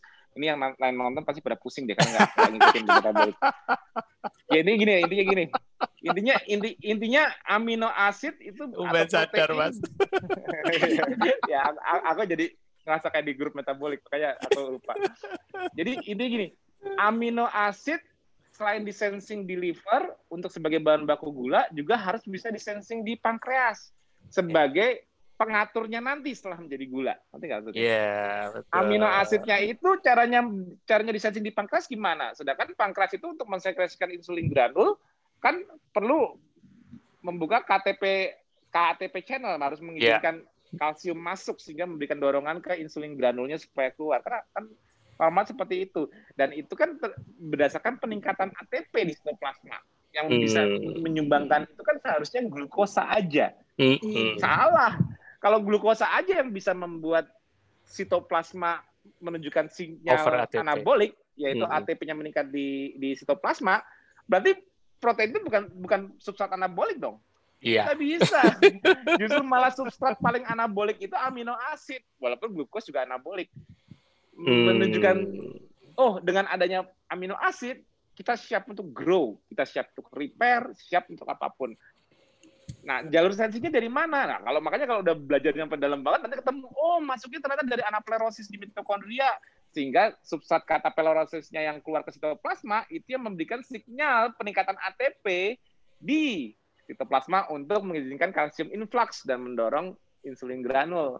Oh, jadi sensing dari hep- am- amino asid yang masuk amino asid yang masuk dari hepatic portal itu ternyata disensing oleh pabrik gula yang nantinya kalau protein turnovernya sudah cukup, ini protein nggak perlu gue bypass ke darah. Maksudnya gue bypass untuk ekstra hepatitis itu nggak perlu. Ini mesti gue mendingan gue jadiin glukosa. Hmm. Jadi jadi jadi kalau protein sampai kelebihan, yang di yang keluar dari hepatosit itu yang keluar dari liver itu bukan protein tapi gula, ngerti gak? Jadi jadi gimana cara protein memberatkan ginjal ya? Makanya kan kan aku bilang gimana caranya ya? Kok konyol ya? Gitu. Karena karena kan kontrolnya kan di liver. Kalau kalau protein itu kelebihan, kelebihannya itu memang di bypass dalam bentuk apa? Glukosa, emang apa? bukan protein makanya makanya dari dari dari barometer melihat oh ginjal rusak karena proteinnya keluar dari filtrasi makanya makin banyak protein di darah makin banyak merusak ginjal. Nah itu yang satu hal yang konyol dari fisiologi, fisiologi. Yang yang yang kalau kita udah ngerti benar. iya jadi anggapannya kayak protein banyak itu proteinnya disuntikin ke darah gitu. Eh, masuk gitu banyak makan protein proteinnya masuk ke darah gitu kayak disuntik gitu. Nggak ada kontrol di mana-mana. Hepatosit itu juga ngelos aja. Monggo lewat protein. Urea cycle nggak usah dipakai deh. Lewat aja protein. Kan konyol kan kayak gitu kan? Iya itu loh. Makanya yang yang yang yang basic basic ini kalau kita lupa kita malah jadi spekulasi yang enggak enggak enggak ada iya. dasar. Jadi ke mana-mana gitu loh. Makanya sekarang saya senyum doang ketawa. Ya biarin aja lah. Tapi mudah-mudahan dengan aku sering ceramah di grup metabolic conditioning ya mudah-mudahan pada melek fisiologi semua. Jadi bisa menelaah segala sesuatunya. Wah ternyata iya ya. Oh iya ya. Oh iya ya. Gitu loh. Jadi aku pengennya pengennya orang menjalankan KF itu aman nggak ya seumur hidup? Lah situ baru mikir aman seumur hidup. Aku mesti mendesain ini untuk anakku. Gimana? Kan lucu kan? Yang dewasa takut KF seumur hidup. Lah aku harus mendesainnya untuk anakku sendiri. Kalau aku nggak aku sendiri nggak ngerti dan ini nggak safety berani banget aku terapin ke Mas Alif. Nggak mungkin lah. Ngerti nggak tuh ya. Nggak mungkin nggak seorang bapak itu kalau untuk melakukan sesuatu untuk anaknya itu pasti yang... pikirnya berkali-kali lipat. Iya benar aku makanya aku sampai harus ngerti ini dulu karena aku harus tahu titik safety-nya di mana. Nggak mungkin aku cuma coba-coba. Ngeri amat. Ngeri amat coba-coba nggak masukin karbo ke anak-anak. Gitu loh kan ngeri amat. Tapi karena karena karena uh, aku udah berusaha mendalami sistemnya dulu dan aku ngerti ya barunya maka aku berani bahwa dengan bensin yang tidak memberikan sumber glukosa itu nggak masalah.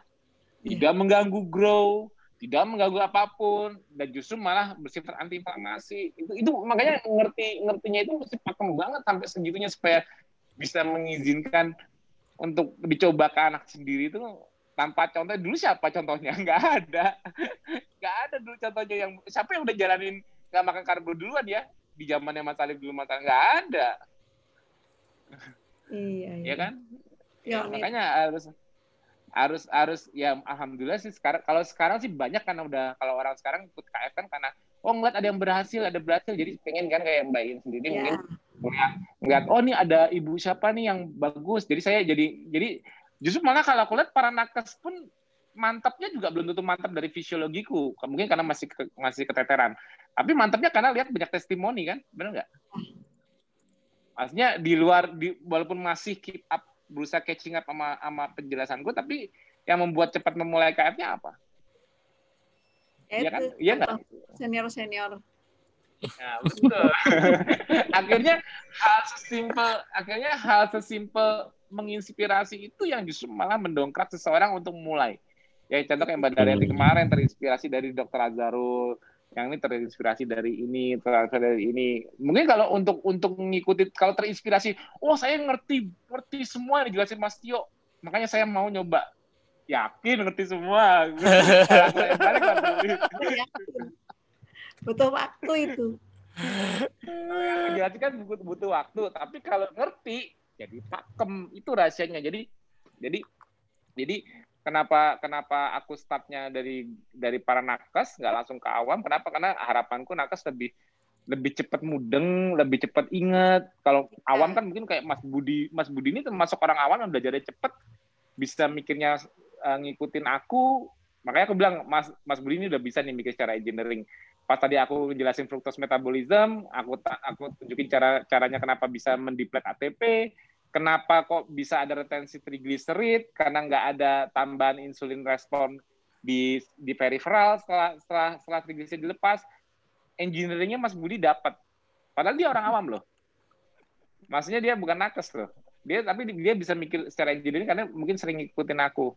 Yeah. Jadi akhirnya cara berpikirnya aku nganalisa kayak aku, Mas Budi dapat. Makanya mungkin Mas Budi nanti bisa menemukan cara untuk menganalogikannya ke bahasa awamnya. Kalau, kalau aku, aku, aku, kalau aku RA aja Mas Raden Anom aja deh. Apa tuh Raden Anom? Raden muda aja. Oh, Raden muda. Kalau Raden Mas tuh lebih tinggi ya? Lebih tua. oh, lebih tua. lebih senior. lebih senior, Raden Mas senior ya. Oke, setuju deh gitu jadi makanya makanya makanya harapanku itu nanti kayak kemarin aku juga udah ngobrol banyak sama Mas Harun iya, Mas Harun kan ya, Mas Harun itu kan juga juga juga juga aku kasih jurnal-jurnal mengenai mengenai uh, karena dia kan spesialis anak kan. Jadi aku juga hmm. nunjukin loh cara belajarku dulu gini loh Mas.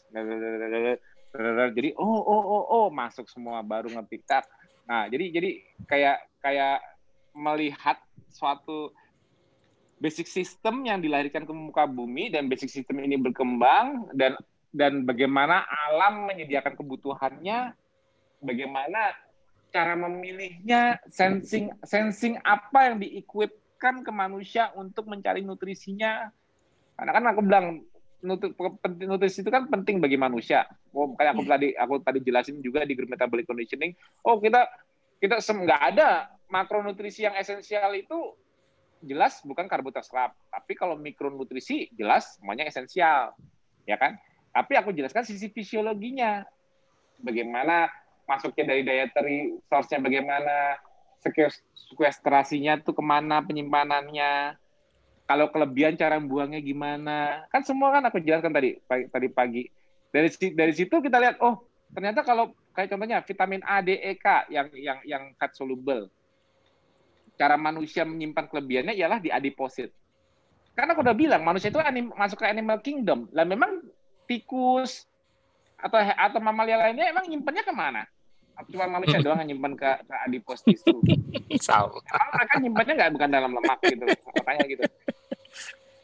Makanya makanya kan kita kita kan kita kan mempelajari tubuh kita kan bisa mencontoh organ-organ pada hewan gitu loh. Jadi untuk membuat suatu organ pada hewan itu berfungsi cara biokemistrinya sama kayak kita untuk kebutuhan kebutuhan apa metabolitnya, substrat yang dibutuhkan itu untuk mem mem memfungsikan semua pada pada pada animal kingdom sama. Terutama mamalia. Hmm. sama jatuhnya.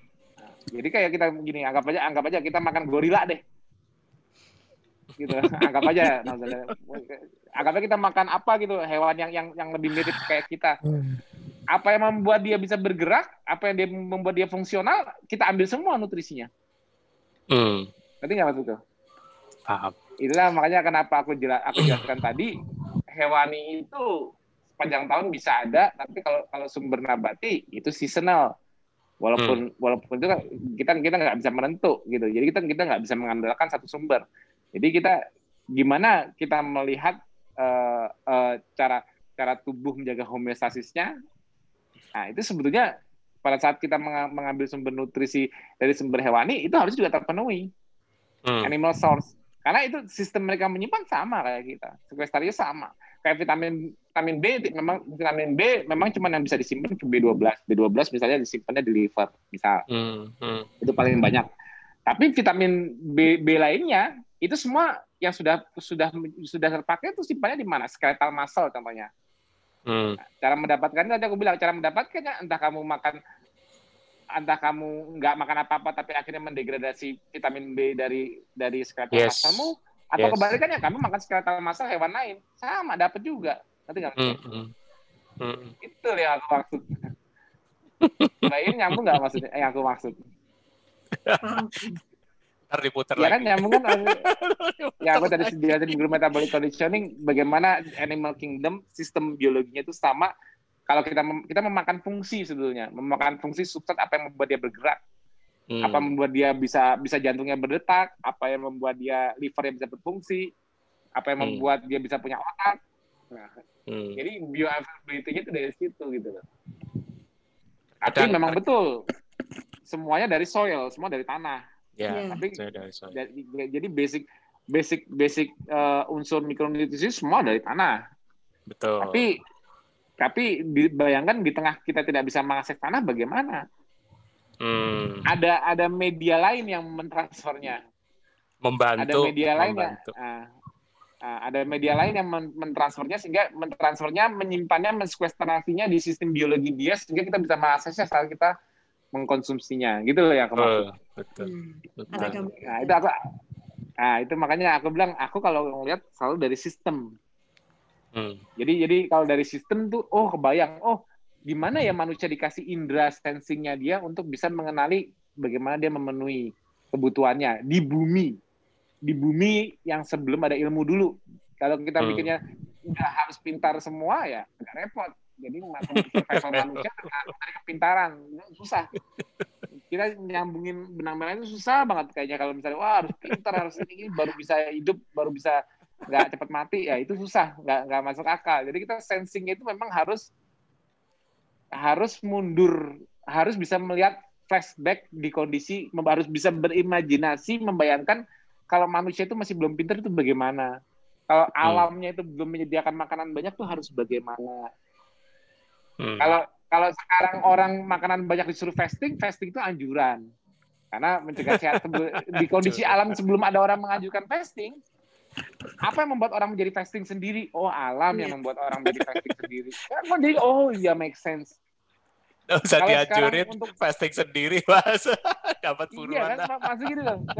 Kalau kalau fasting kalau fasting itu kan dianjurkan supaya supaya kita perutnya tidak maju ya misalnya kalau dari sisi Rasulullah jangan jangan sampai perutnya maju gitulah karena udah tahu pada saat banyak makanan manusia kalau mengikuti kenyamanannya manusia tidak bisa mengontrol hawa nafsunya makanya disarankan fasting iya. disunahkan hmm. kamu puasa hmm. karena sudah ada makanan sebetulnya uh. realnya di alam realnya di itu kan hanya mengingatkan tapi kalau realnya di alam manusia kalau nggak ada yang mengingatkan gitu bisa punah semua dong dari dulu kan nggak mungkin hmm, hmm, harus hmm. harus ada settingan di alam yang membuat manusia bisa melakukannya secara unconsciously tidak yeah. disadari itu yang selalu aku bilang kenapa bisa jadi lifestyle karena harus terjadi secara unconsciously yeah. jangan hmm. jangan jangan Dibuat jangan buat. jangan selalu dalam kondisi aware karena kalau aware tuh kadang-kadang nggak tahan lama misalnya aku mau diet sesuatu dengan conscious aku berusaha ini ini ini nggak jadi lifestyle nantinya mungkin bisa bertahan lama tapi belum tentu bisa menikmatinya. Tapi kalau oh aku udah tahu basic prinsipnya gini gini, gini dan aku bisa melewati jendela puasa dengan mudah sekarang karena fisiologiku sekarang mendukung. Ya selesai. Ya jadi kan berarti kan normalnya di alam itu bagaimana supaya orang melalui proses mencari makannya tidak mengalami penurunan kemampuan fungsi di tubuh. Ah, iya. Gimana fungsinya bisa jalan sempurna sebelum dia mendapatkan makanannya. Kemungkinan dia survive-nya lebih tinggi. Gimana desain tubuhnya kalau seperti itu? Hmm. Itu yang baru buat starvation itu bukan negatif seperti jurnal starvation.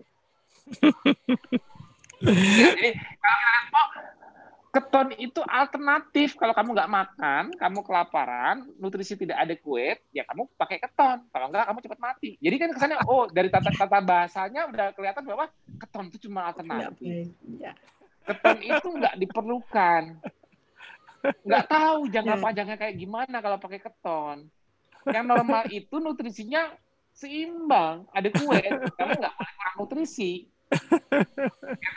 kamu nggak katabolik. Kan bayangan normalnya kan seperti itu sekarang. Bayangan hmm. dengan ya normalnya lazimnya seperti itu. Hmm.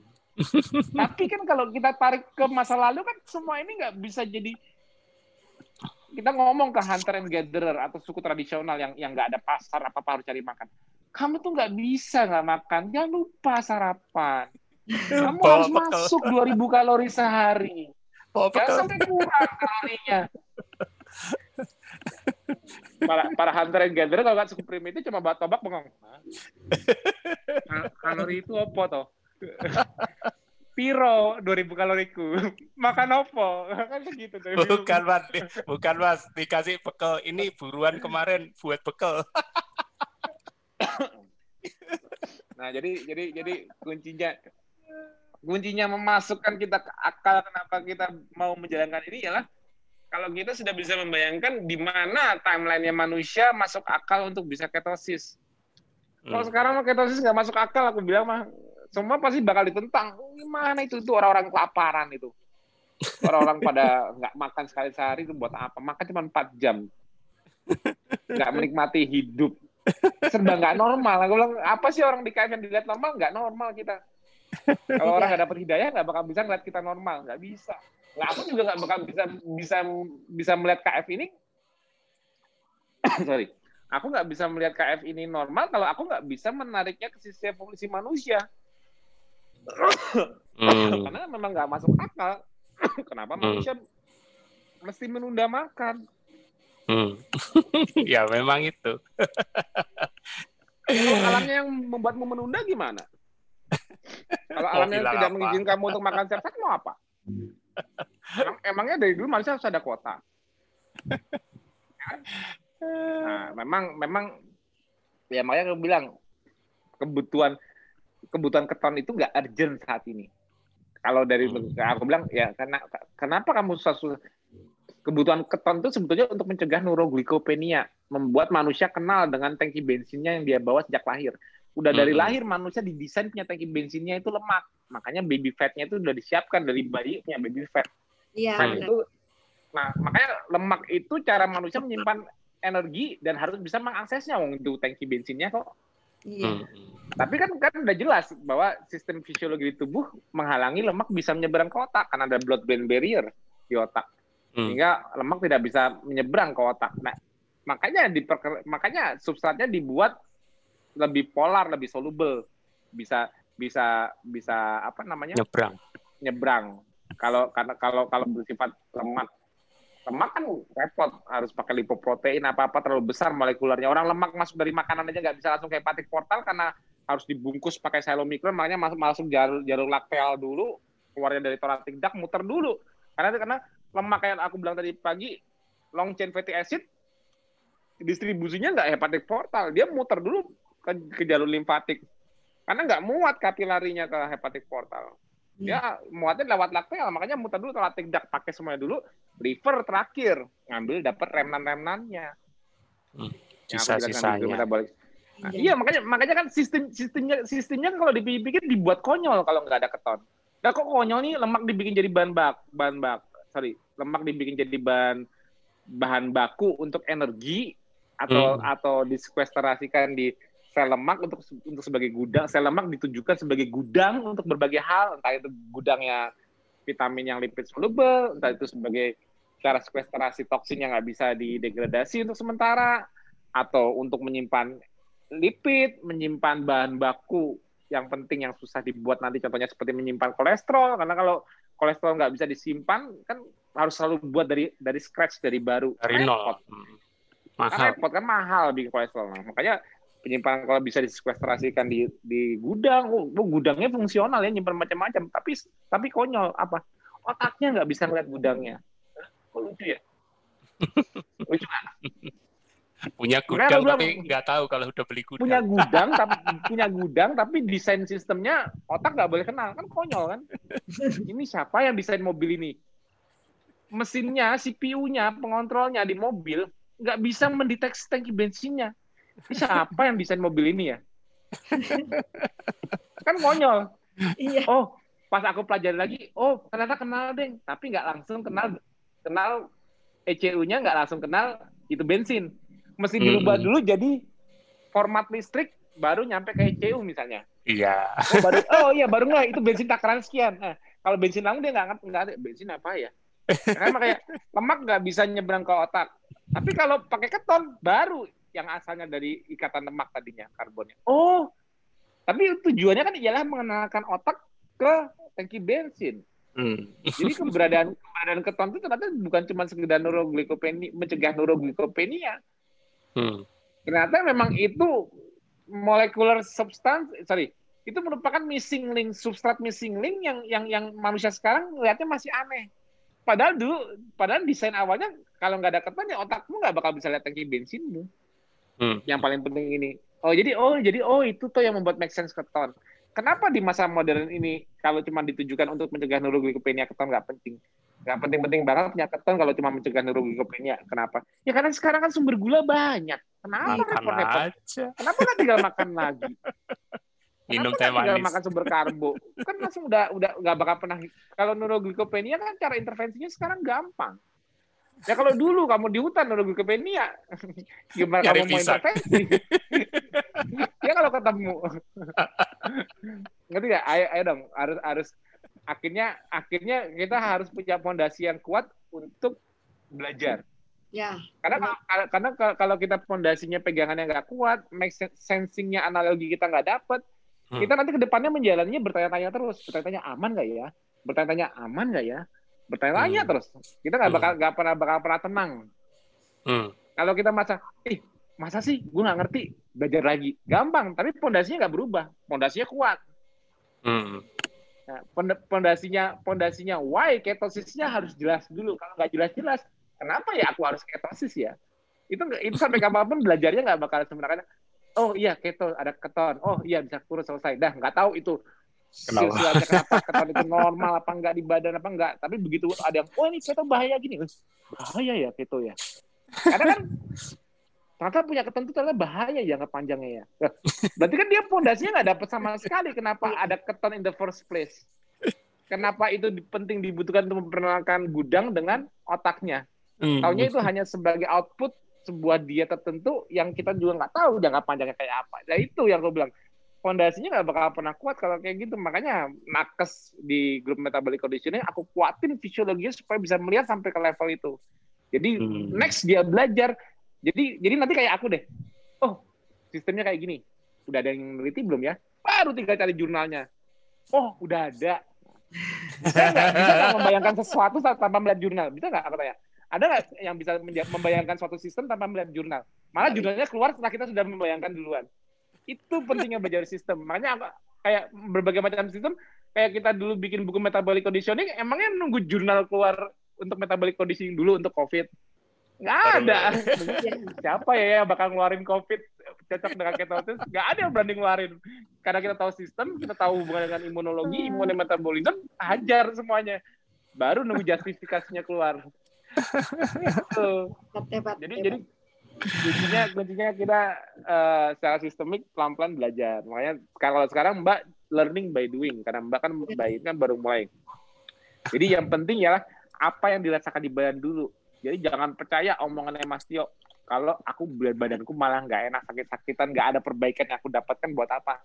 Karena Ya. itu nggak menjustifikasi nggak menjustifikasi apa yang aku ceritakan walaupun aku sampai busa-busa ngomong teknikal juga kalau malah lo kok malah nggak seperti yang diharapkan nah, kan repot. Nah, Iya. makanya learning by doing dan berusaha mengenali kalau ada kok aku sekarang kerasa kayak gini ya kesalahanku di mana ya harus Hmm. harus bisa mengenali sakit yang dirasakan akhirnya menjadi ingat kesalahannya di mana itu kuncinya Hmm. Hmm. karena karena karena karena seperti aku jelaskan di TV kemarin Hmm. pada saat kita ketosis sensing kita lebih sensitif terhadap rasa sakit bisa gini Hmm. kesalahan kita lebih cepat tercermin, lebih cepat mengingatkan. Kalau sekarang ini, kalau sekarang ini masalahnya orang bisa ditemukan banyak yang non simptomatik hiperglikemia. Artinya orang bisa punya gula darah tinggi tanpa terdeteksi di Iya, gejalanya. benar. itu kan itu itu kan nggak masuk akal. Iya. Ada soal pada pada pada hiperglikemia itu adalah suatu kondisi yang harus membunyikan alarm di tubuh, Iya. no matter how. Hmm. Tapi harus di dunia modern mungkin. ya tapi kok di dunia modern bahkan sampai ditemukan di anak muda udah punya masalah kok Mm-mm. kayaknya accelerated aging kok makin cepat di masa kini itu itu Mm-mm. what's going on gitu loh di sekitar kita Iya. kok manusia di sekitar kita itu kok makin tidak bisa mendengarkan kok tubuhnya nggak bisa memberikan peringatan dini gitu loh dari awal. Itu yang Hmm. yang bikin yang bikin aku pertanyaan. Karena basic sistemnya udah jelas. Tapi peringatan dininya itu kok nggak bisa ada yang dengerin. Kok bisa orang punya hiperglikemia tapi nggak berasa? Nggak tahu kalau udah diabetes. Nggak tahu kalau Hmm. HbA1c-nya udah lebih dari 6 Iya. nggak tahu. Ya, itu, itu kan something wrong. Something wrong dari dari cara tubuh kita yang yang dari awalnya mobil ini keluar dari pabrik udah punya sistem untuk ngasih alarm niu, niu, niu. atau apa kalau ada ada wah ini mesti ganti oli wah ini mesti ganti ini, ini enggak Hmm. alarmnya nggak dengerin gitu. Hiperglikemia tidak membunyikan apa pun. Hmm. Yang membunyikan justru malah hipoglikemia kan lucu. Kalau kamu nggak makan, terap makan hipoglikemia, teriak langsung, aduh aku butuh makan, aku lapar. Tapi begitu makannya sampai hiperglikemia, udah gelap. Nggak tahu deh. Yang tahu Gula enak. darah gue 300 ah masa? Eh, ah masa? Loh. Padahal cuma pegel-pegel dikit doang kok. Apa udah tiga, oh udah 300 ya? kan lucu kan hal seperti itu. Ya. Eh, makanya makanya makanya makanya kan aku juga ngajarin hiperglikemia itu juga cuma dari makanan tapi ada juga stres hiperglikemia. Ya, Jadi stres pun ya, ya. stres berlebihan pun juga menunjukkan hiperglikemia. Jadi jadi apa yang memicu overstress ini sehingga sehingga sehingga tercermin dalam bentuk hiperglikemia? Stres sistem ini kan harus bisanya harusnya mengingatkan. Contohnya, Hmm. oh aku stres pikiran, oh aku kurang tidur. Kan cerminannya juga hiperglikemia. Tapi kan Benar.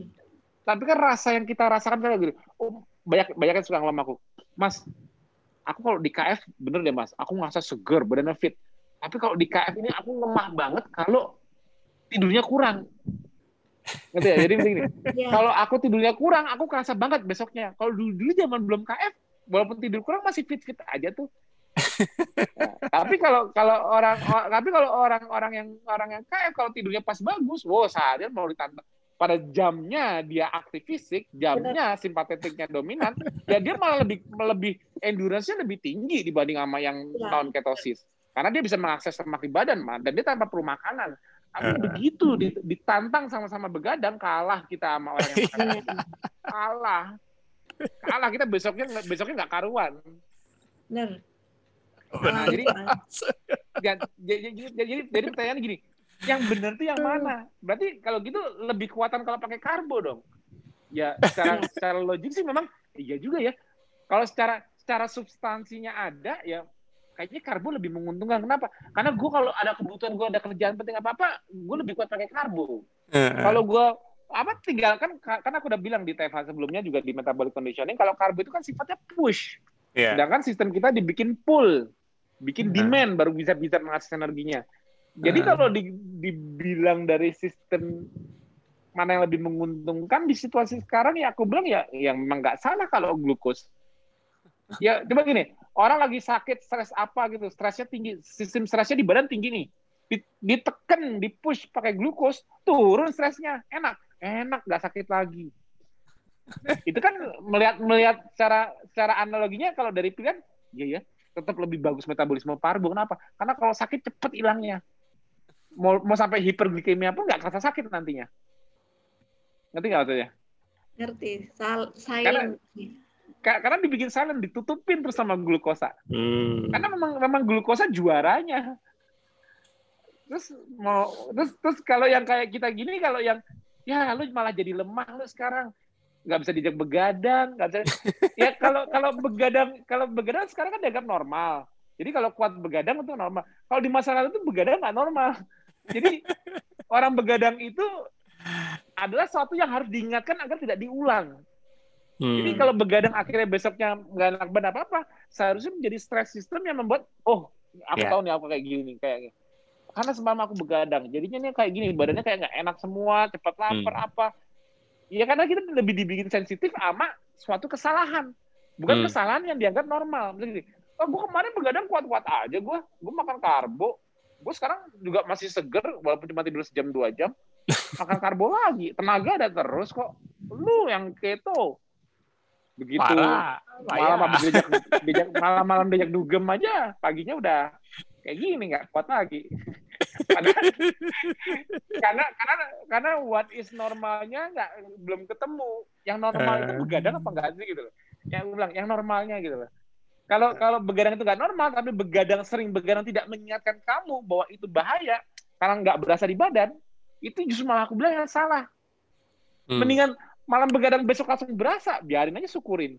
Kenapa?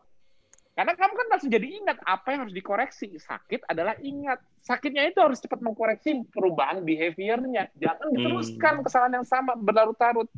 Itu fungsinya kita dibuat sensitif dengan stress system. Hmm. jadi kita jadi jadi kemampuan stress resistan kita meni- tinggi di saat sirkadiannya memang dominan simpatetik. Pagi sampai sore hari. Tapi Hmm. pada saat udah dominan udah, udah dominan parasimpatetik sama membuat tidur kita, kita coba-coba melawan, Hmm. ya pasti bakal diingatkan. Tung. Diingatkan dengan cara apa? Stres hiperglikemia. Oh, kalau kalau aku hiperglikemia karena stres, aku berasa.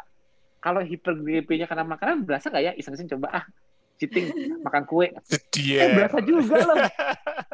Oh, bener nggak? Hiperglikemia karena stres aja aku diingetin. Iseng ah, kalau hiperglikemia karena makanan, efeknya kayak apa? Cobain aja. Maksudku dicobain sakit terus inget ya, jadilah lagi jangan sakit terus-terusan.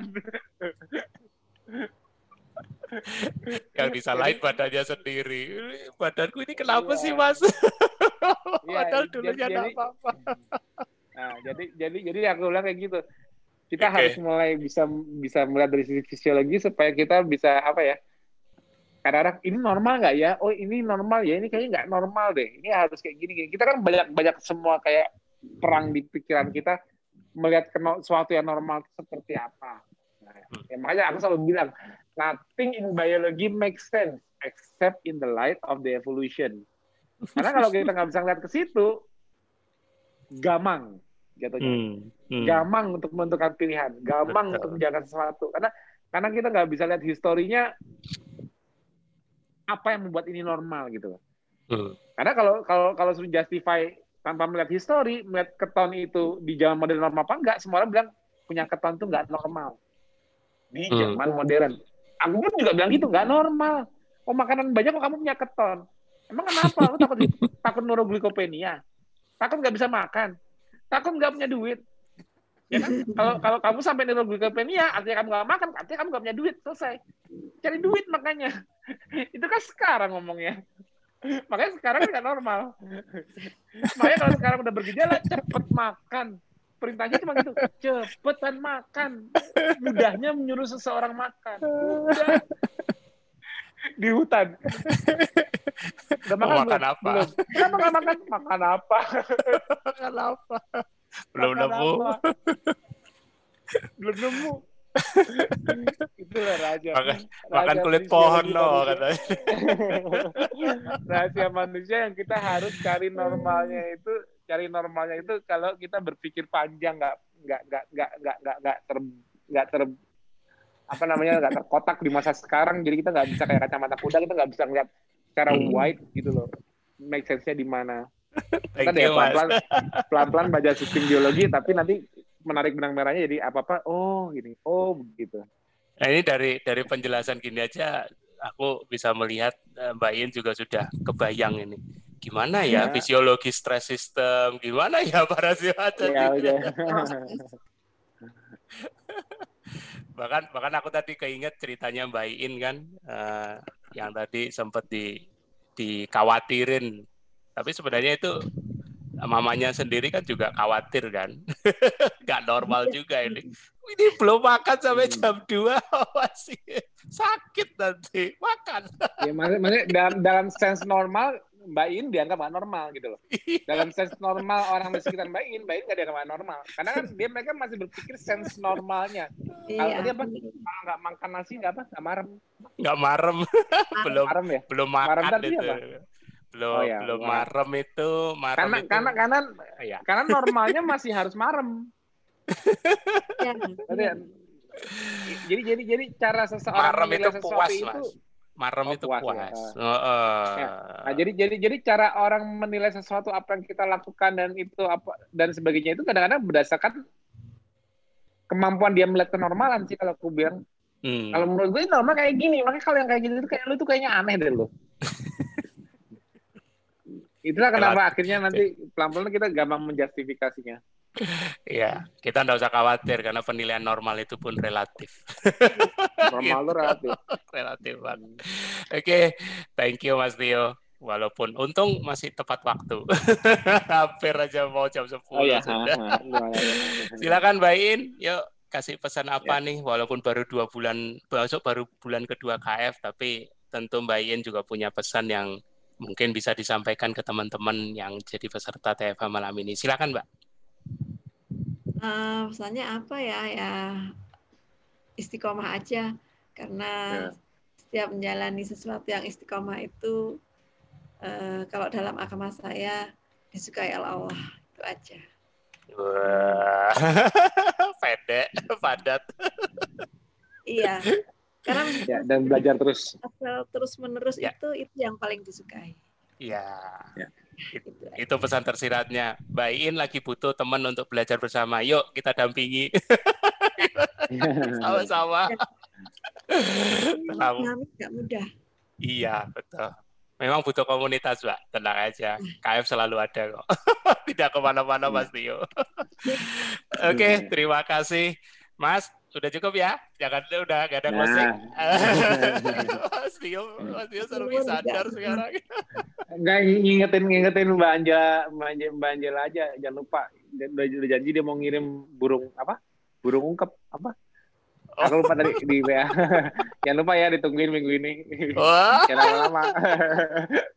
Ditagih. Oke, okay, thank you teman-teman. Kita nanti uh. Oh sorry. Oke, okay, kita uh, jumpa lagi nanti di SFH. Jangan lupa hari Minggu tanggal 22 November dan di minggu depannya lagi juga masih ada TFH. Tapi pastikan di SFH ini teman-teman ikutin karena semua pembicaranya juga masih para nakes yang akan mau berbagi seputar pengalaman mereka, pemahaman mereka tentang fisiologi ya, bukan lagi secara gejala, bukan secara sintomatis. Yuk kita mau sama-sama dengerin empat pembicara semuanya dari nakes. Pastikan selalu menyimak. Terima kasih Mas Tio dan juga Mbak Iin ya yang selalu selalu terus menginspirasi walaupun baru bulan kedua KF tetap semangat ya. Makasih Mas Tio ya. Kita akan jumpa ya, lagi teman. yang udah hadir. Ya, terima kasih juga teman-teman. Oke, selamat malam.